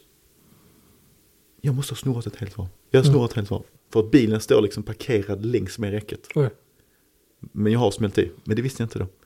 Eh, Jag tyckte det kändes så, men jag var så chockad över situationen. Ja, man, så jag, man hinner inte koppla vad som nej, händer. så jag tänkte fan det small till jävligt bra tänkte jag. Mm. Så jag går ut ur eh, bilen, går mot eh, baken på bilen, tittar. Allting ser jättefint ut där. Oh. Snurrar runt, andra sidan, går längst upp med passagerarsidan. Ser jättefint ut där också. Tänkte jag, fan vilken tur alltså. Small ju bra men det verkar inte ha tagit så hårt. Och så går jag fram och tittar Mm. fram, för det har man inte sett riktigt. Men det var ju bilen typ 10 cm kortare fram till. Oj då. Så jag kom ju jävligt fort, för jag hann inte ens, Mm. jag hann inte ens Ni- se det att jag small i fronten. 996 short Så jag, mina ögon har ju varit precis överallt Ja. utom framåt. Jag har ju tittat Åh, i alla ja, sidorutor ja, överallt ja. för liksom bara, orientera var fan vi ska hen någonstans. De har suttit och åkt där baklänges liksom i 150 km timmen. Ja. Eh, och då är ju bilen eh, ganska bra tryckt i fronten. Eh, kylarvatten, allting runt ut. Där kommer en motorcykelkille efteråt. Eh, för att jag har ju snurrat ut på banan igen efter att jag smält. Så det är glykol ute på banan. Ja. Eh, han kommer och lägger hojen ner. Den hojen blev bara skrot. Som tur var var han helt osk... Alltså, Ja, ja. eh, Men det var ju jävligt drygt att faktiskt vara en del av någons Hans eh, eh, olycka. ja, liksom. precis. Så det var jag ju sjukt ledsen och, och ja, men, chockad över. Jag kommer ihåg att jag käkade lunch eller middag med han på kvällen och ja, tror jag bad om ursäkt till honom 10 000 gånger liksom för mitt, Ja, min situation där och så liksom. Men det är ju tyvärr de där spelreglerna som är där. Man måste ta hänsyn till allt annat som kan hända på banan också. Ehm, hur som, Gustav Lund, som var hyvens vän, han sa ju att det här löser vi. Jag vet eh, ett porrcenter som fixar det här. Det var det porrcenter Koblenz, 90 Mm. kilometer därifrån, alltså 9 mil. Eh, den bilen blev ju upptagen på en biltransport på Nürburgring. Är det snabbaste stället i världen att få bärgningshjälp på. ja, det vet jag. Det tar exakt, eh, jag tror det, vi, vi är inte på 10 minuter, kanske 6 minuter. Mm. Så står den uppe på ett, ett- ett bärgningsflak. Jag sitter i bilen, sitter och snackar med Gustav Lund. Mobiltelefon fanns på den tiden, vilket Mm. var bra. Ringer Gustav Lund, förklarar situationen. Och han bara så här, du ska ta den till Porkcenter eh, Koblenz. Och på den tiden snackade Gustav också väldigt, eh, han var väldigt duktig på tyska då. Mm. Så han ringer till eh, det här Porkcentret. Och får veta att eh, en svensk herre som heter Anders Jonsson eller Johansson hade en gul G3, en likadan som min. Mm. Som stod på Porkcenter och som var totalsmäll. Och han skulle ändå inte komma ner och köra på ett bra tag. Så de hade kofångare och lampor och massa bra prylar som saknades numera med min bil. Eller Mm. det var i alla fall i, inte i samma skick som det klev ut på banan. Ehm, så hur det var, så bilen blev dit transporterad där. Ehm, de satte igång pronto när bilen lastades av och skruvade Ja. av delar. Och jag hämtade faktiskt bilen klockan 12 dagen efter. Nej. 12 dagen efter. Så jag var all in på, jag missade ju morgonen på skuderian. Ja. Fyra timmar, Gustav kan, det är Gustav som var, han var min hjälpare på detta här så han kan eh, bekräfta hela den här historien. Eh, och eh, klockan 12 så är jag på eh, banan och kör. Då har jag varit i Koblenz och hämtat bilen och kört dit också. Så jag hämtade säkert bilen, det är en timmes transport också därifrån. Hur stödig var du på skuderian sen? Uh, det, det enda man kunde se det lite på det var den här, jag hade ju en tyskreggad bil så den hette ju HH. Mm. Jag kommer ihåg att jag hade 696 på siffrorna och så hade jag någon mellanbokstäver så de kommer jag faktiskt inte ihåg. Men man kunde se på den där att den såg lite fake ut nummerskylten. För den hade ju varit rätt skrynklig så den hade Mm. man ju bankat ut. Och sen har man målat i liksom mina bokstäver Jaha, och siffror. liksom. lite Så den, den såg lite tacky ut. Men eh, de sa till mig på Porsche-centret där när jag hämtade bilen sa de bara, sa de, Farbe, nicht fertig, sa de. Mm. Nicht fertig. Det var, min tyska var inte så då, så de var väldigt tydliga. Mm. Färgen, den är, den är liksom inte färdig. Den har precis blivit målad, så det var liksom, det var inte ens torkat färgen liksom. så de bara sa, det här är inte bra liksom. Vet, Han sa, så försökte förklara liksom, alla stenar som kom på som du kommer bara slå av all färg liksom. Jag bara, okej. så. Så jag kör i alla fall. Eh, kommer inte ihåg om jag körde lite lugnt då, det gjorde jag Mm. säkert inte. Men jag kör ju till eh, Nürburgring med, med bilen och, och kliver ut på banan. Eh, och eh, jag tror det tog två varv. Mm. Sen kändes det som att det var inte riktigt mitt fel att det hände. Det var ingenting konstigt. och då stod jag på allt vad det gick igen. Gick på det Eh, igen. ja, så att eh, jag kom igenom skuderian. Eh, jag hade nog inte vunnit skuderian. Jag tror kanske jag hade eh, kunnat eh, möjligtvis bli sist. Oj. Med tanke på min körning. Ja men jag Ja. körde ju helt galet ju. Ja. Alltså det var ju för fort överallt. Och det var ju bara liksom max gas överallt liksom. Mm. Men eh, det var den tiden, det var så jag körde bil då. Det gick för fort. Alltså det var inte det, jag var snabb då också. Men det var ju jävligt mycket risk i Ja, min ja. körning. Ja men det är lite grann det, alltså det är ju erfarenheten där som, som är skillnaden. Ja, jag drog och slet och, och jag hade mig. Bilen hade gått, när jag kom dit där, jag tror den hade gått 3, 4, 500 mil någonstans. Mm. Och sen så är ju skuderian slut och det är dags att köra hem. Och då skulle jag till Sverige, köra hem till Sverige.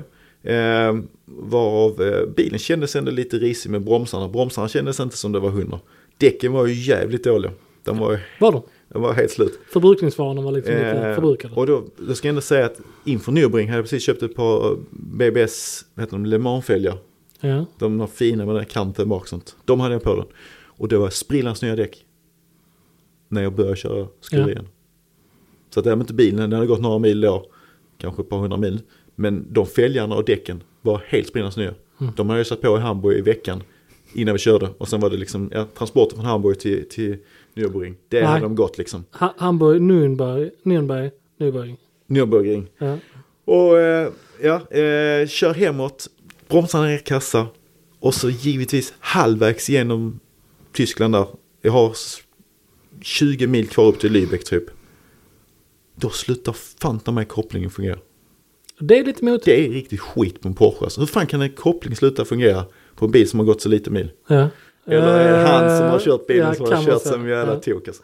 Så att jag, ja, med tanke på att jag lyckas bränna ut den kopplingen på de där milen så har jag ju kört riktigt sjukt. Det växlas upp och det växlas ner och det växlas, alltså det var ingen bil som jag var stolt över att ha ägt liksom. Alltså, fan jag var taskig mot den bilen. Den fick bekänna färg i dubbel Alltså, bemärkelse eh, på ryggen. Jag tycker ju idag när jag åker med folk som kör kuppbilar och man har hoppat in så tänker man så shit vad de det är tur man liksom har så mycket underhåll på de bilarna för de slaktar dem liksom. Mm. Men jag slaktar också den bilen. Det var, ja, det var, det var tuff körning på den bilen. Uh, undrar om den lever då. Det måste vi nästan kolla upp. Ja. Kan, det kan vi inte göra tror jag. Chassinummer. Ja. Ja, ja det, får vi, det får vi råda i. Ja. Ehm, och sen så måste vi diskutera, vi har ju jättemånga bilar vi skulle kunna diskutera men vi måste ju prata om det. Ja, men jag låter dig bestämma. Vad det låter mig Ja, bestämma. men jag har så många stories och alla tar ju hur lång tid som helst. Det Liksom. kanske får bli ett avsnitt till längre fram. Men jag, är, jag har hört det här historier tusentals gånger. Men jag kan inte få nog. Du har ägt en Carrera GT. Ja, det var eh, ett gott beslut man gjorde den gången när man inte tänkte två gånger. Men, eh, ja, men jag köpte faktiskt en Carrera GT. Jag siktade in mig på att jag skulle köpa den. Eh, och letade och hade mig och hittade fram en bil. Eh, 312 000 euro. Och då som nu så hade man ju aldrig pengar på kontot liksom. Nej. Hur fasiken ska jag lösa det? Mm. Men däremot hade jag en lägenhet. Eh, som kunde belånas. Ja, smart. Så den eh, har man varit hade någon en jäkligt skön bankgubbe. Han var lite äldre. Mm. Och han var, det var en sån two-liners när man gick in i banken. Så han, Mm. du jag ska låna lite pengar. Jaha, eh, vad ska du ha dem till? Ja men jag ska göra det och det. Jaha, sa han. Okej, sa han. Ja men vi löser det, sa han. Så är det färdigt. Så. Så att eh, jag körde en sån där och så lånade jag upp de här pengarna. Jag lånade tre blankt. Mm. Pang. Och det, det var till och med lite över de här pengarna som jag skulle ha. Hittar en bil. Eh, den står i Tjeckien. Mm. Det var en uh, Impex Car hette de. De eh, jobbar med att sälja många fotbollsklubbars bilar. Det var liksom inte, det var inte lika, det var inte lika, tu, alltså det var inte lika många bilhandlare som var liksom, hade sådana stora axplock med, med supersportbilar och så. Han här hade jättemånga och han körde liksom förhandlingen av många fotbollsspelares bilar och andra celebrities. Eh, jag hittade den här bilen och eh, Givetvis var respekten om man ska handla en bil för 312 000 euro. Mm. Den var hyggligt stor liksom. Och jag hade inte sån superkoll den gången. Eh, framförallt inte på en Carrera GT liksom. Så jag tänkte okej, jag måste göra det här smart. Så jag styrde upp snacket med han som sålde bilen. La en handpenning på 10 000 euro. Vi kom fram till att han skulle leverera bilen för att Frankrike var närmare för honom. Jag hade ju min semesterlägenhet där nere. Eh, Så vi bestämde träff där och jag hade satt in 10 000 euro. Så han Mm. hade ju lätt pengar till att liksom bara vända hem med bilen igen. Och jag sa köper bilen mot att allting är okej så. Men Mm. jag måste ha ett Porsche som testar bilen eh, och tittar igenom. Och det har jag inte bokat med dem innan för det gick på franska och det, min franska den har aldrig blivit som min tyska. Den är riktigt dålig. Det är Mm. Je voudrais une baguette och, och bonjour. Det är liksom, det är min nivå. Det är, Så är det. Inte mycket mer så. Men i alla fall så att, så att eh, eh, när väl bilen kommer från Tjeckien levererad på en typ som en bärgningsbil. Då ösregnade allt det kunde den dagen och då hade Porsche Center stängt. Så det blev liksom inte den dagen utan det blev nästa. Vi åker till Porsche Center. Eh, jag kommer in på Porsche Center utan att ha bokat någon tid eller någonting. Försöker göra mig förstådd på engelska till en receptionist. Mm. Som faktiskt fattar lite engelska. Ja. Så hon förstod lite och gick ut och snackade med verkstadsgubbe. Eh, och det var lite så frågande till det hela. Men jag pekade liksom ut så liksom på framsidan. Då stod det en bärgningsbil med en Carrera GT. Eh, uppe på flaket. Och sa du, förklarat att jag ska köpa den här bilen om allting är okej så. Eh, Men jag vill att någon går igenom och, och bekräftar att det är okej. Eh, de lastar av bilen in på Parkcenter Antibes. Eh, de börjar gå igenom bilen och jag sitter ute i soffan snällt och väntar. Och det tar en evighet, även så många timmar jag satt där och väntade. Och jag hör helt plötsligt så startar bilen upp. Eh, och den är igång in i verkstaden och sånt liksom. Och då står de på tomgång där inne hur länge som helst. Givetvis för, ja, man kör alla datorer och kollar igenom allting så det är okej så. Men det var en skadefri bil, det var en olackad bil. Eh, och så kommer den här franske verkstadschefen ut. Mm. Jag kommer så väl ihåg, han kom i skjorta. Eh, alltså han jobbar i verkstaden. Mm. Och så hade han sådana här italienska läderdojor. I ganska stor storlek. Alltså som man Han var ju lång. Men Mm. jävlar vad han hade långa fötter. Så jag kommer ihåg det. Riktiga skidor. Alltså det var helt sjukt alltså. Ja. Och äh, åter till de här skorna sen alltså för, med tanke på att han kör den här bilen sen. För det, för det är lite där det återspeglas. Jag tänkte, jag tänkte på det först när jag tittade på dem. Mm. Men det kom ännu mer till mig sen när jag ute och åkte med honom. Att han satt där i, sina, i sin skjorta och sina läderdojor. Och, och, och, ja, hur som helst. Så, så att han kommer ut till mig och snackar en massa franska. Och jag sa oui, oui, oui, oui. Ja, mm, mm. Eh, och så- Förstår inte så någonting. tänkte jag att eh, någonstans så ska jag nog reagera på om det är någonting som är bad. Då kommer han att peka att här är någonting och sånt. Men Ja. han sa också bien. Och Mm. bien betyder ju bra. Mm. Och då liksom, jag har lagt ihop några ord där. Eh, typ voiture eh, som är bil, bien och alltså ett, många sådana saker. Och jag frågade, är det någonting som är omlackat eller någonting? Så nej, allting var perfekt liksom. Bilen hade ju gått 1100 mil. Så Mm. det var inte jättemånga mil. Men en Carrera GT räcker att den har gått 5 mil. Så kan den ha stått i en, en trädgård. Likt eh, Lewis Hamiltons pappa. Ja, eller, eller trädgård. in i en bank med några cyklar emellan. Ja, det är möjligt också. Men, men i alla fall, så, att, så, så långt var jag trygg. Och så sa han så här, ja men vi ska ut eh, på något sätt så fick han gjort sig förstå det. Vi skulle ut och, och provköra bilen.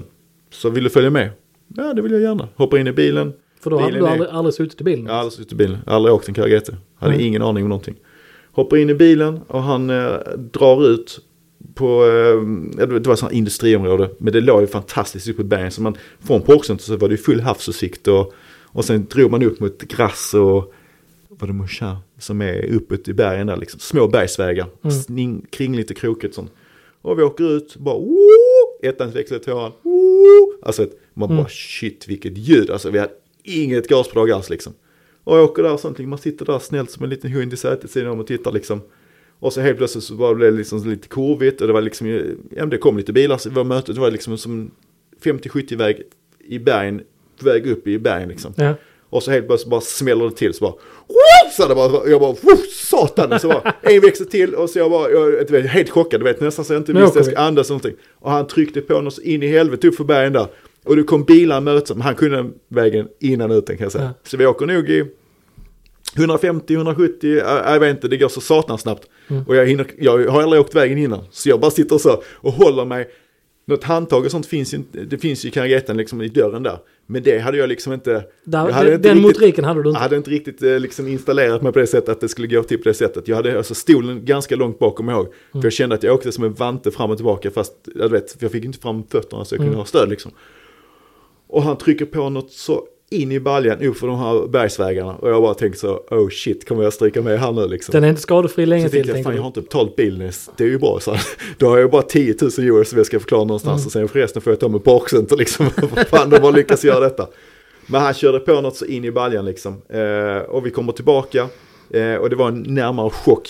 Mm. Samtidigt så var det sån, ja, det var en lite läskig upplevelse att jag hade kört någonting som jag kanske inte riktigt var man eh, enough to be. Alltså det var en jävligt sjuk bil liksom.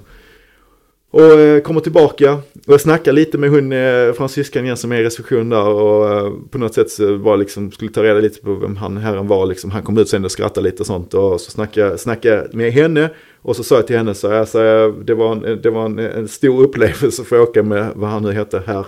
Mm. Eh, och så snackade jag lite fram och tillbaka och så eh, frågade jag bara så liksom att eh, har du lärt dig köra bil på att vara porr? Eh, Mekaniker. liksom. mekaniker liksom eller så liksom. Och så bara skrattade han och tittade lite så bara pekade de upp en sån hylla där så var det liksom, var liksom en hel vägg full med liksom pokaler och grejer och sånt liksom. Och så visade det sig att han körde ganska mycket 24 timmars Le Mans och han var väldigt rutinerad för. Okej. Så ja. att eh, den KRG-Tn var det förmodligen han sträckte ut allt som fanns. Eh, och det kan jag säga att alltså, växlarna gick ju till markeringen varje gång och han skickade i dem. Och det var ju, alltså vet, jag hade suttit i en KRG-T exakt i två minuter när det hände. Och jag hade ju ganska många andra saker att tänka på innan. Eh, med, med köpa den här bilen, betalning, eh, alltså vet, det var en jäkligt stor affär för mig att göra. Mm. Den var ju totalbelånad i min lägenhet liksom, den Ja. här bilen liksom. Och eh, ja, hur som. Eh, eh, får köpt den här bilen. Tjeckisk, tjeckiska exportskyltar. Mm. Jag var fråga en gång vad försäkringen kostar. Eh, för jag skulle lägga den i Frankrike. Och det var det typ 30 000 euro. Oj! Så den skulle kosta att försäkra. Och min plånbok var inte så, så tuff ju. Så det var någon sån exportförsäkring på som gällde för liksom, inte för själva bilen men för min omgivning. Och de var utställda Ah. på ett halvår. Okej. Så jag ja. tänkte bara så, "Ah, jag kör försiktigt. Så jag håller det så. Ja, det, Så det blev ingen försäkring för 30 000 euro. nej. Men Det var faktiskt så att den bilen körde jag oförsäkrad i princip hela vägen fram till jag sålde den. Mm. Så den åkte på tjeckiska exportskyltar alltid. Och det, Det- var supereffektivt. Jag tänkte precis säga det är ett superbra sätt ju. Ja det var faktiskt det. På den tiden var det så att poliserna, man blev stanna lite då och då. Och så skulle de kolla och så lite papper, skicka fram Mm. dem i Tjeckien vet du på den här tiden. Så oavsett om jag var i Sverige, Danmark eller jag var i Frankrike. Så var det liksom, det var carte blanche. Mm. Det var bara rakt igenom allting. Jag hade en gång, eh, jag kommer ihåg, jag drog igenom Köpenhamn på någon sån eh, upp mot sjöarna, alltså inne på Köpenhamns huvudgata. Det var ganska fritt fram och sånt. Så jag tryckte på ett par växlar inne i stan, ett par Mm. växlar. Och det, det är ju som en Formel 1-bil Ja visst. håller på att söka sig in till stadskärnan när man kommer så. Men du vet, man var helt dum i huvudet. För det ljudet och det trycket som var i den bilen, det var ju helt magiskt. Så man gjorde det och givetvis var det en polisbil. Alltså jag åkte ju på så jag hade inte riktigt koll på var de har stått någonstans. Nej. Men i alla fall så dök det ju upp liksom en bil med blåljus när jag stod för rött ljus. Mm. Och jag tänkte först bara "Ah, det kanske inte är jag. Så jag tänkte de kanske bara kör förbi. Men det gjorde de inte, utan de stannade mig och så skulle jag ha körkort, papper, det ena andra och sånt liksom. Och det, den körningen där hade man inte heller haft något körkort på eh, längre. Men det var helt lugnt. Jag visade papperna och vi snackade lite sånt. Och, alltså det tog inte mer än två, tre minuter, sen var jag körande sen liksom. Fem kanske liksom. Jag rullade därifrån liksom. Eh, så jag levde med den bilen i Mm. faktiskt 1100 mil exakt. Den har gått 1100 mil när jag köpte den, den har Mm. gått 2200 mil när jag sålde den. Mm. Eh, och när jag ska sälja den så höll jag på i två år. Så var tiderna då.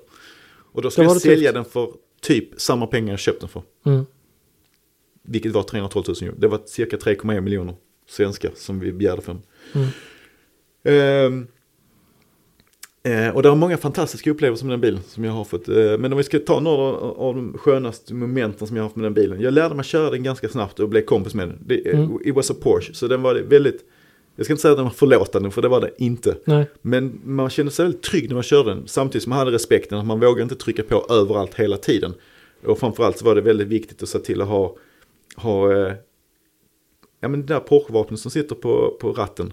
Se till så det sitter i rätt vinkel, det vill säga att det är helt i rätt vinkel. Spikrakt ja.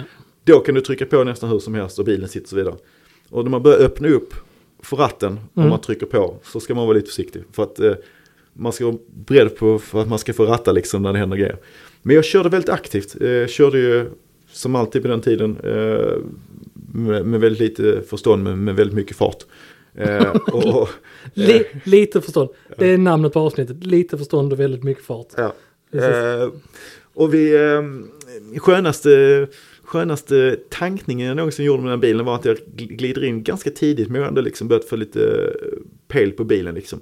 Glider in på Skällmacken på Holma som var lite mina neighborhoods, där jag är född och uppvuxen.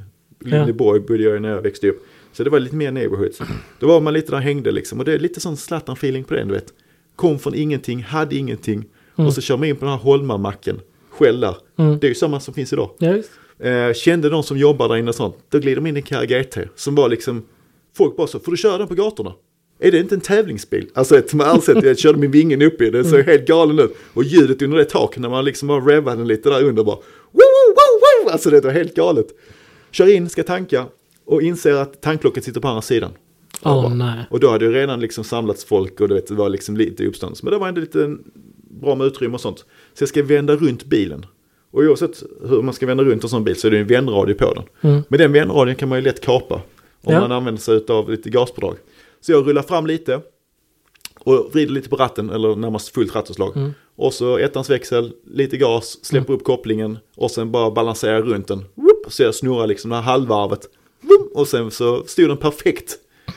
För att köra fram lite igen bara. Och så, så var tanklocket på rätt sida. Och så tankade jag.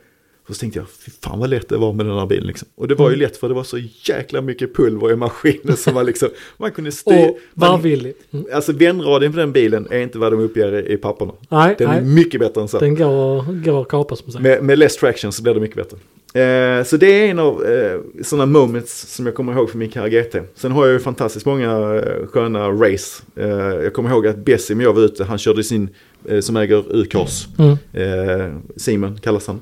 Eh, han var ute med sin Murcielago och jag körde GT liksom. Och det, var så, det var ju en hygglig snabb bil. Mm. Men GT är något annat. Alltså, det var en jävligt snabb bil liksom. Ja, det är en annan, Eh, annan han, kaliber. jag kommer ihåg att han, eh, jag tror han sålde den ganska snabbt eh, efter det och sen, eh, Det var slut sen efter. köpte han en SLR, han skulle uppdatera. Ja. Eller om han hade den samtidigt då. Eh, hur som helst, eh, eh, det är inte alla historier som är rumsrena som man kan ta så här. Men eh, om jag ska ta någon som, som, som kan. Det behöver inte vara helt rumsrent. Nej, men... Eh, Det är, det är preskriberat. Ja, vi har väl eh, några happy moments med Kageten som, som är värt att nämna. Det är väl kanske körningen som jag och min gode vän Marcus Svaner gör. Vi är i, eh, på den här tiden i Saint-Tropez, Mm. ute och festar och eh, ja, vi, har, vi har haft det jäkligt trevligt. Eh, jäkligt, jäkligt trevligt. Och jag tänkte att jag kan inte köra bil, alltså inte en chans. Och bilen var ju som sagt oförsäkrad. Mm. Och Marcus Svaner, jag har inte kollat hans bankbok men jag tror inte han hade 312 000 euro stående där.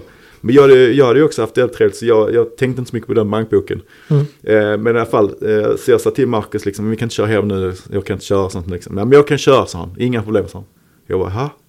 Okej, är du säker liksom? Och Max har alltid varit känd för, vi brukar alltid skoja med han sagt att han är, han är född med en champagneflaska i Mm. mun liksom. För han kan dricka så satans mycket.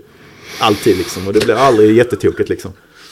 Men jag sa till han där liksom, så, men du, du får gå på en linje här sa han. Mm. Jaha sa han, ja men jag går på en linje. Och så gick han på en linje. Så tänkte jag så bara, han skojar med mig liksom. Det Mm. var så jävla krokigt så helt sjukt. Där ser du sa han. Och jag sa bara, ja perfekt sa jag. eh, hoppar in i bilen och då ska vi till, vi ska köra från eh, Saint-Tropez till Antibes. Och det här är ju då morgonkvisten så det börjar ljusna lite. Men det är ändå inte just helt. Och Marcus säger så, och jag var ju jävligt trött så jag satt och sov där. Och jag kommer ihåg att jag sa till Max, fan dra inte upp den där över 6000, du vet hela, hela bröstkorgen, hela jag, det känns som alla drinkar är på väg upp liksom. Det bara gungar och skakar och har så, det börjar yla, vet när den kommer över det här varvtalet så är det liksom helt magiskt. Så håll den under där, du kan, du kan åka på men håll den under, jag kommer så väl ihåg att jag sa det till. Och sa han, du fan alltså, sa han, eh, det är, fan vad det blixtrar ute, det är nog oväder på gång, sa han. Jag bara, ha, vadå liksom? Ja det är sådana blixtrar hela tiden liksom. Mm. Och jag bara, ha? Och sen då liksom eh, började jag vakna till sista biten innan vi kommer in till Antibes. Och så var det ju en som blixt till. Och så, ja där ser du, där var en sån till. liksom. Sa Max, det där är fartkameror så. Sa, oh fan sa han. Det hade varit hur många som helst. Och han hade ju kört typ. Vi åkte, jag var ju rätt sliten och väldigt trött och jag tyckte det var så skönt att bara vila där liksom. Medan någon körde taxi med min bil hem liksom. Mm. Eh, eh, och vi hade åkt i, ja. Var det fri fart på de vägarna? Inte i Frankrike. Nej, jag tror inte Nej. det. Nej. Ja, men det var, Då var det. Och Max, jag menar, han tog ju tillfället i akt. Ja, det är klart. Han var Vem hade inte gjort det? definitivt inte i tillstånd när han tänkte att han skulle hålla igen liksom. Nej. Men bilen kom hem, Marcus är en stabil förare och han eh, tar inga risker någonsin. Så bilen kom hem, så vi körde rakt in på McDriven på McDonalds. Vi var jävligt hungriga när vi kom till Antibes. Rakt in på, på eh, eh, McDonalds där och det skrapade in och så in i helvete på det farthinder som var när vi skulle över. Åh, Hörde jag liksom. Eh, in i eh, McDriven där, köpte några hamburgare och sen hem i, i, i eh, och, och så skulle vi gå och lägga oss. Eh, men eh, det, det var en sån upplevelse som eh, jag kommer ihåg mycket väl efter karriären. Och även när jag skulle köra den hem från Antibes till Sverige. Precis dagarna innan så händer det någonting med bakvingen. Så ena hydrauliken, och bilen är ju, vid det här tillfället är detta här. Jag tror detta är 07 och det är 04. Så den är tre år gammal, det är ju ingen gammal bil liksom. Men då hade någonting med hydrauliken på vingen ballat väldigt vanligt problem på karriären. Det var det ja. Mm. Hur som helst, det var ju inga garantier eller någonting längre. Och det var ju en masterbil att få gjort det. Jag var om inte annat jävligt störd av att det var så. Så jag, eh, jag kunde få den att köra upp ena sidan. Den Ja. andra sidan vägrade för det har funkat inte längre. Så det var ju välja mellan antingen ha 50% av vingen uppe, Mm. vilket ser helt sjukt ut. Det sjukaste är att du kan köra upp en KRGT-vinge. Mm. Ha den helt nere ena sidan. Och med Va? den höjden den har, fullt uppe på andra sidan. Utan att det knäcks eller någonting går sönder. Det är helt galet. Hur fan går det? Men det ser ju helt mongo ut. Ja. Och det är ju så att köra den bilen hem från Antibes till Malmö på det viset. Det jag är- åker hela skolbuss hela vägen. Ja. Alltså jag skulle aldrig köra hem för att jag hade tyckt det var så pinsamt. Och jag hade stört mig något så in i helvete på att det ser ut så liksom. Mm.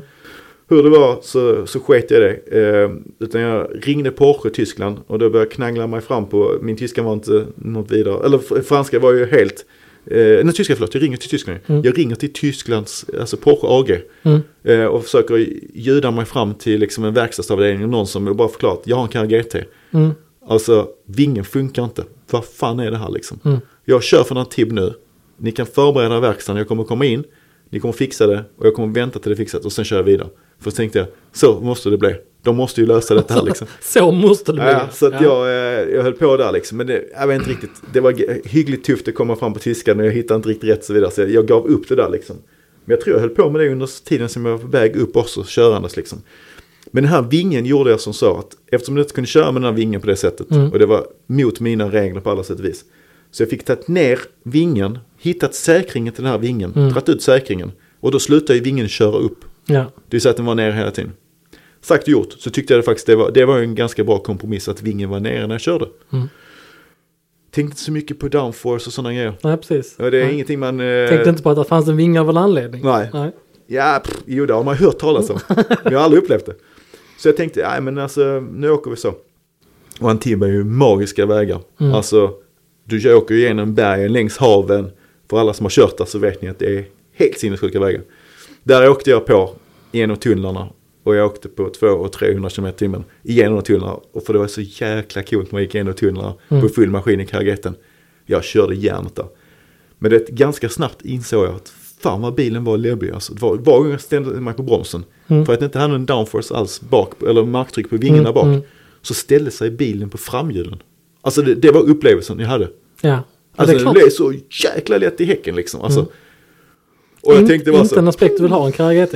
Nej, alltså, det, det, alltså att köra så, du vet, folk sa till mig. Mm. Du är ju fan helt galen som vi vet hur farlig den bilen är utan. Och vi vet ju själva vad som har hänt vissa Mm. människor med den bilen när det släpper och så. Men vet, jag tryckte på genom tunnlarna och visst, det är klart att jag hade ju inte, jag satt inte och kollade klockan eh, nio och tre ut genom sidorutorna liksom eh, var jag skulle hem någonstans utan vi åkte ju rakt fram men det var kurviga vägar och vi åkte på högt tempo och det kom alltid sköna race där. Du vet Mm. kom du i GT så körde du ikapp lite sköna bilar Mm. och de var ju alltid uppe för dans liksom. De ville alltid hänga på. Mm. Och som, som Carrera GT-förare så var det ju alltid ens plikt att köra från dem. Och, och, och, och, faktiskt visa dem att jag är ordentligt mycket snabbare. Mm. Och det gjorde jag alltid där. Jag vet inte, alla, alla vägar kunde så jävla bra där. Så någon gång kom man ju så i jävligt hög fart och så hade man någon RS6 eller något annat som la på och jagade bakom och du vet det var i höga farter. De tryckte Mm. på allt vad det gick. Och det var en massa liksom bara, mm, ska jag fortsätta full gas här, ska jag släppa av lite? Så kollar man backspegeln och bara, nej han ligger jävligt nära, jag får stå på här. Och det gick faktiskt rätt bra alltid. Så jag tryckte på allt vad det gick där. Med den här vingen nere. Och man åker ju på sommarhjul eh, och och det fanns navigation i den bilen. Eh, så att navigationen kom ju, hade ju kommit. Problemet med navigationen var att de var ganska långsamma, de var ganska klyddiga att ställa in.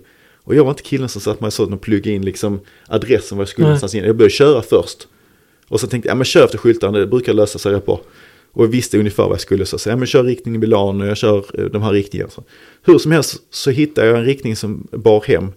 Men jag kom via Schweiz och jag kom inte via motvägen. På något jävla konstigt sätt så lyckades jag ha mig bergsvägen.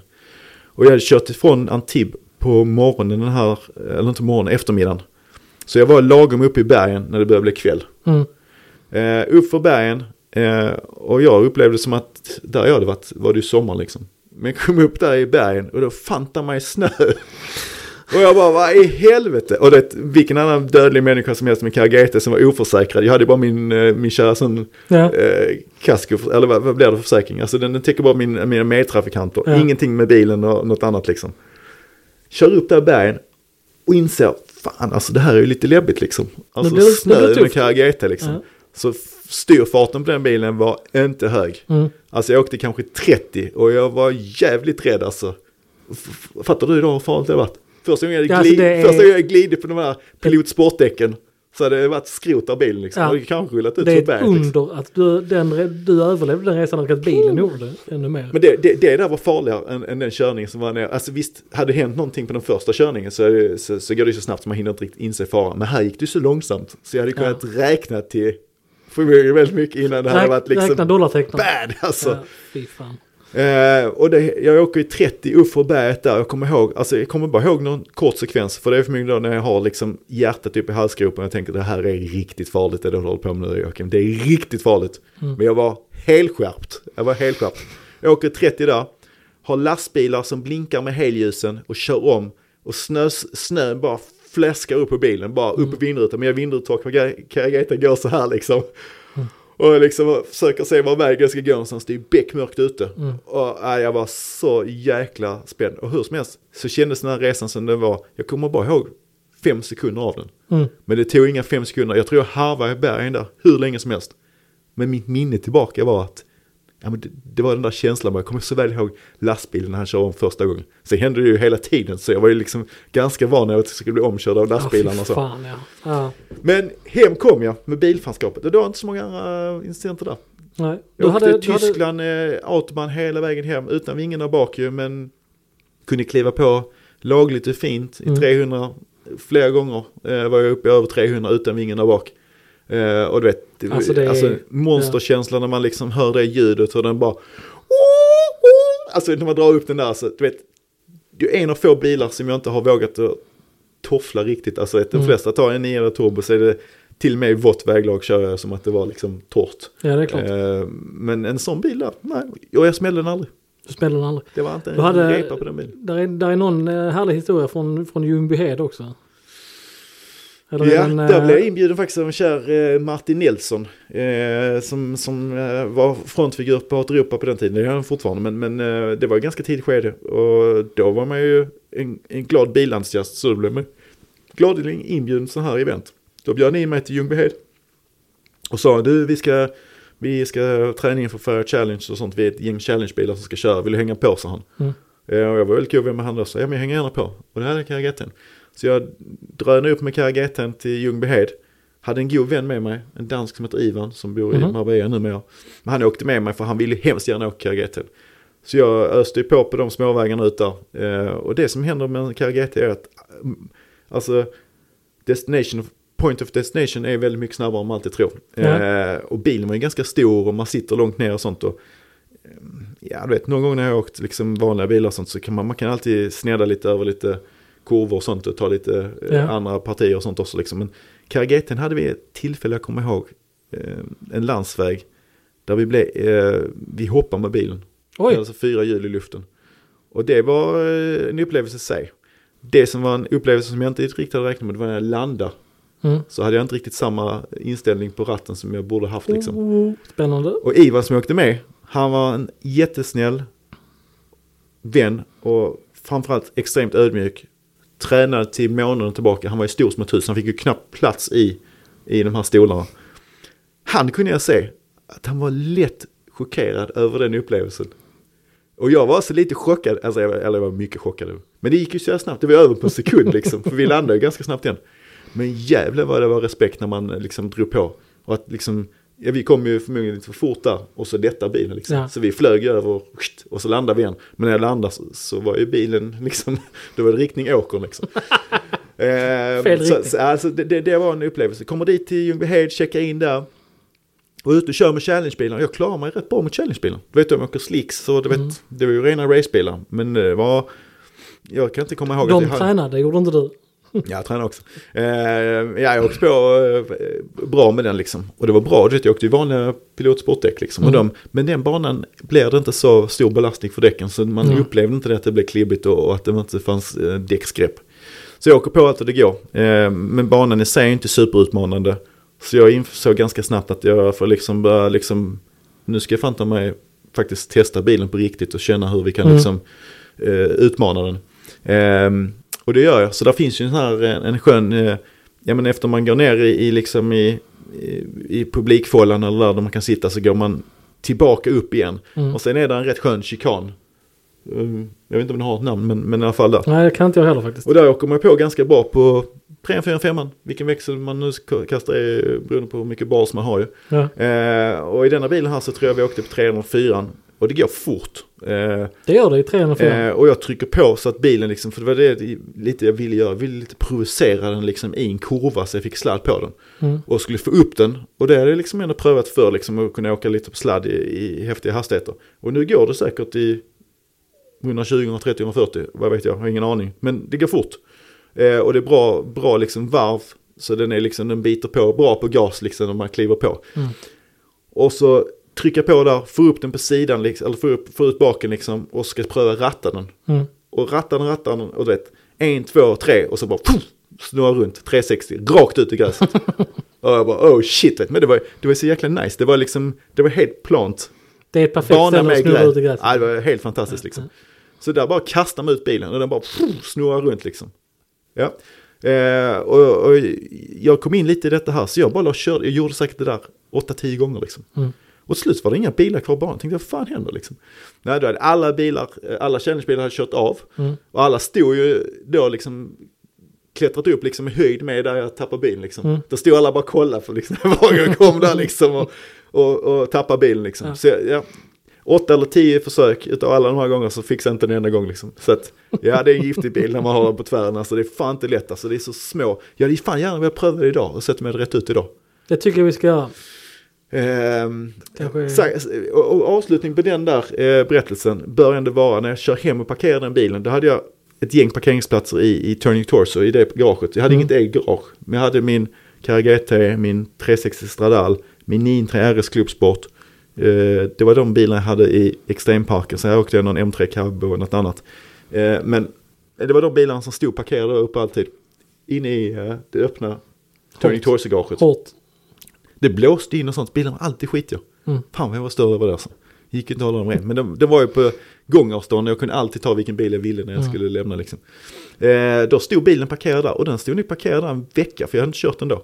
Varefter jag liksom bara av en slump när den stod inbackad gick ner och kollade fram i kylan. Mm. Jag tänkte fan där sitter ju en liten grästuss. Och började dra och dra och dra och dra och dra. Och det slutade med att jag hade fyllt två ICA-påsar med gräs.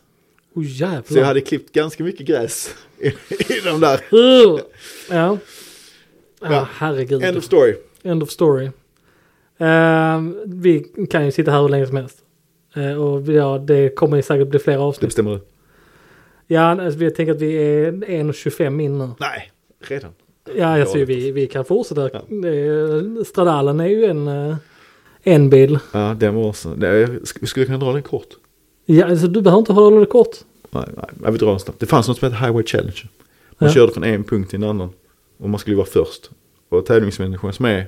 Så jag satt hade satt mig i en Fiat Punto. Mm. Så jag tänkte att jag skulle vinna liksom. Nu hade jag inte en Fiat Punto. Vi hade Mm. en, en Ferrari Challenge. eh, En, en 360 Challenge Stradal. Mm. Som var en magisk bil. En Eh, av mina topp tre-bilar fortfarande. Ja men det är, ja.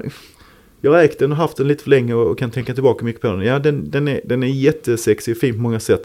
Men den växellådan är, det var en ny era utav F1-låda. Men Mm. den är liksom, ja, den har blivit, F1-lådan har blivit så mycket bättre idag. Så att Ja, det är klart. med manuell låda så ja, då hade den också varit min topp 3-låda. Enkel konvertering. Ja. ja, förvisso. Ljudet i den var ju helt vansinnigt. Mm. Det var väl Silver Berlusconi som eh, tryckt, eh, EU-typ godkände den bilen. Den var ju inte godkänd först. Var det inte det? Nej, för tusan. Nej. Det finns någon story kring det. Ja. För det var ett sånt satans ljud. Den är helt hjärndöd. Alltså du kan ju Mm. väcka Ja, dem. Har de kört en sån döda. med, med, nu ska vi se så att inte ljuger. Um, något straight pipe system. Det Eh, behövs inte på den bilen. Nej, jag Min vet, var helt det- original. Och det, när du satt den i raceläget. Mm, Jag drog igenom Breggan i, i Danmark. mm. Och det, jag var lite taskig men alltså, det var så jävla roligt. Jag körde inte jättesnabbt, det behöver man inte göra. Men det var så jävla roligt när man kom någon gång på natten och sånt. Mm. Tänk alla som gått lagt sig. Drog man hela Breggan med Ferrarin där. Och så bara öppnade man upp på race. Det, bara, alltså det, det måste ha skakat i alla lägenheter liksom. Man bara, Ja. "Wow!" alltså, och det, idag har jag inte gjort det för att, eh, av respekten av mina medmänniskor. Men då Ja, hade jag inte det på det samma sätt. Alltså jag, jag tyckte mer det var en rolig grej. Jag, Ja, tror det inte det, alltså jag tror inte de uppskattade så jättemycket de som bodde där. Men eh, vilket jävla sound det var mellan husen där. ja. Eh, den bilen eh, körde vi Highway Challenge med och vi var ett gäng kompisar som, som hade arrangerat detta. Så vi var 25 bilar som, som ställde upp Mm. Eh, en, en, en skön lördagmorgon så skulle vi göra det här racet.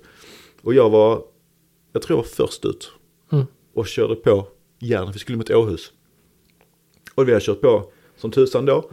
Eh, och sen så kommer där en, eh, eh, kommer där liksom, jag har ju Marcus Salom, min kära vapendragare, Mm. som även kör min KGT. Han var min kartläsare. Och det bästa med honom var faktiskt att han sa aldrig till mig att sakta ner eller ta det lugnt eller kör Mm. försiktigt och sånt. Så han vid min sida gjorde ju alltid att jag tänkte att så, ja, men jag kör inte tillräckligt fort för han säger ingenting. Så jag öste på och, och körde liksom, eh, och det gick alltid nästan bra. Eh, Mm. Men denna gången här så, så säger han till mig höger. Han, han hör inte så bra på ett av sina öron. Mm. Som han tyvärr har cyklat och ramlat när han var ung och fått ett styre i, i örat från cykeln. Eh, varav han hör inte så bra. Och det är ju bra i vissa lägen och i andra lägen är det inte bra alls. Liksom. Mm. Så jag sa, eh, han sa, du, jag sa han så 300 meter, 400 meter så skulle du svänga höger. För det var liksom kartläsning så vi hade Mm. skyltar och orientering och så. Och jag tänkte så, ja fint, eh, vi ska svänga höger. Men jag tänkte, det är ju dumt att bromsa in redan. Så jag stod på ganska friskt då liksom. Och bromsar in. Eh, och den här 360 den hittar ju nya, alltså jag vet fasiken som hände med den. Jag Mm. fick den till att, det, vi varvade ut den på sexans växel. Eller ja, och det är sex på en sån. Mm. Ja. Alltså när vi la i toppfart, tre, ja, det, alltså det, det är en det är ju en galen bil liksom. Mm. Men det var precis som att eh, de hade glömt att sätta på lite olika värvtalsspärrar och Den grejer. gick, Så det var- eh, ja. Ja, det är he- helt galet liksom. Så vi åker den här bilen då. Och eh, eh, ska svänga höger. Och det är 90 graders höger. Oj då. Med en refug så liksom lagom in 10-20 meter in i, i Mm, den där mm. nya vägen som jag ska in på. Eh, så jag tar ut kurvan lite snyggt på vänster. Kommer förmodligen lite för snabbt. Eh, så att jag kan inte riktigt hitta in på min sida vägbana. Mm. Eh, och hur den är då så, så klipper jag den där refugen. Eh, Ja, och det var, jag tänkte fan, ah, du vet, man tänkte att man kör på en kantsten. Problemet var att jag körde ju mer än 10 det när det det. hände. Mm. Men bilen var ändå, det funkar fortfarande. Oj då. Och jag, det var ju liksom, vi var ju, jag kan inte tänka mig att det var någon som hade varit liksom, var före oss liksom. Mm. Så jag tänkte, ah, alltså, vi, vi kör i mål. Mm. Så vi kör i mål och eh, eh, jag säger till Marcus, ratten står lite snett så. Oj Så att ratten står liksom, jag vet, typ som jag svänger, ska svänga 90 grader vänster. Mm. Så den har ju fått sig en ordentlig kyss i hjulinställningen när jag kör Mm. på den här. Och sen så eh, hade jag fullt upp med att köra så jag tänkte inte så mycket mer på det. Utan jag började leva med mina nya förutsättningar att ratten står lite snett. Jag lever med mina nya förutsättningar. Så jag, jag, jag kör på och, och Marcus eh, som är min kära vapendrag, han är perfekt. Mm. Alltså, if I go to war, I go with him. Alltså, Mm. han backar inte av för någonting. Så det är liksom ingen eftertanke kring någonting att vi ska liksom slow down eller ta det lite lugnt, ta det försiktigt. Ska vi stanna och kolla bilen hur det ser ut och, Mm. och se och så. Ja, utan vi kör på eh, och det går väl en minut eller så till. Efter att det, att det är sån full rök, rökutveckling bak i motorn. Oj då. Och jag bara, oh shit. Det här är inte bra, så. Och eh, så sa Max, ja men det kan vara bromsarna som har gått varma, sa han. Ja. Och jag bara, ja, mm, men eh, nej, jag tror inte att eh, Mm, det är så. så liksom. det, det, det ryker. Du vet, det är ju inkapslat där bak i motorn, Mm. men man ser ju ändå. För fan vad det man såg på den där liksom. Men det var jävligt rökigt i alla fall, kommer jag ihåg. Tänkte, fan det här är inte bra alls liksom. Men vi fortsatte en bit till. Tills bilen stannade. Eh, och det var ju motorn godnatt. Stannade bilen själv? Bilen stannade själv. Okej. Jag körde till stan. Eh, och då var vi, vi var, jag tror vi var 4-5 kilometer från målgång. Mm. Och då sa jag till Max som parkerar längs vägsidan så vi springer i mål så. Så jag bara ställde bilen och bara springa. Men det var så jävla, vi kollade lite, det var så jävla långt så vi gav upp det för vi kommer Mm. aldrig hinna i alla fall liksom.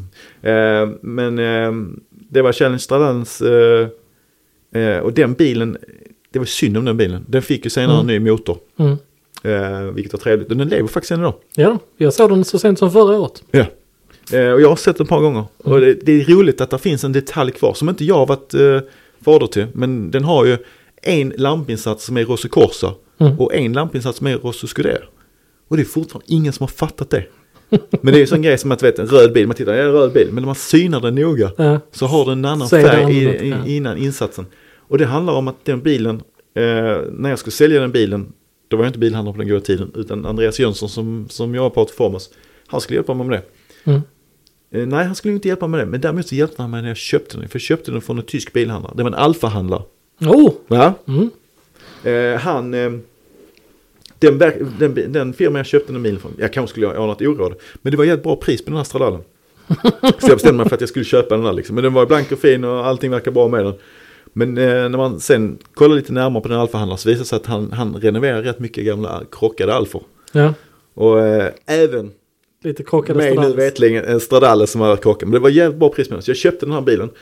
Och ehm, eh, senare så fick jag veta av eh, Andreas Jönsson som var på den tiden också väldigt duktig på tyska. Han ringde och, och lyskade upp han som hade ägt bilen en gång i tiden. Mm. Och sa att eh, ja, men nu skulle han sälja den här bilen och si och så. Och visste han någonting om historien och så vidare. Och det visste han. Han sa ja, sa han, den bilen sa han, eh, jag fick vattenplaning på autobahn sa han. Men den bilen finns inte längre idag sa han. Den blev bara skrot sa han, för den låg i delar över hela autobahnen. sa han. Ah, Så den finns inte längre. Så det så är faktiskt inte det, det- man vill höra om sin Det är bil. inte den bilen eh, du snackar om, Nej. sa han. Tysken då liksom. Och Andreas, jo det är det, sa han. Mm. Nej, sa han, det är helt omöjligt, sa han. För du vet, att jag överlevde det, sa han. Jag låg på sjukhuset i nio månader, sa han. Alltså bilen var skrot, sa han. Motorn var utanför. Fälgarna var av bilen. Alltså det var bara skrot alltihop. Fy fan. Men, eh, ja. Sagan fortsatte. Sagan Den fortsatte. och den bilen lever än idag, som vi vet ju. Ja, det Och det är ju annat, alltså jag gjorde faktiskt en, en, en kär bemärkelse också eftersom man har lite förflutet i bilvärlden. Så finns det faktiskt en Ferrari som är ute till försäljning idag som säljs som fint skick och har en häftig prislapp. Mm. Som jag vet att min kära vapendragare Marcus eh, har varit ute och åkt i. Och den må hända att den är i fint skick. Men den har en diger historia om den har varit med det får vi kolla på sen. ja. Det vet jag inte. Spännande, end of story där också. Ja, nej, jättekul och det är... ehm, vi ska ha fler avsnitt Mm. eh, med allt möjligt. Vi tänker att vi ska ha ett avsnitt med det med lite grann om eh, framtiden. Vad du tror om eh, bilutvecklingen och bilförsäljning i kommande åren. Men det tar vi ett annat avsnitt. Eh, stort tack för att vi fick eh, låna ja, dryga 1,35 av dig idag också. Det är mycket gentilt av det. Eh, vi tackar för veckans podd och önskar en trevlig helg. Eh, och vill ni komma i kontakt med oss eh, om ni letar efter en Carrera GT eh, eller hittat en 360 Stradales med en konstig framlampa eh, så är det podd at garage-11.se. Så, eh, så hörs vi nästa vecka. Tack och hej! Tack.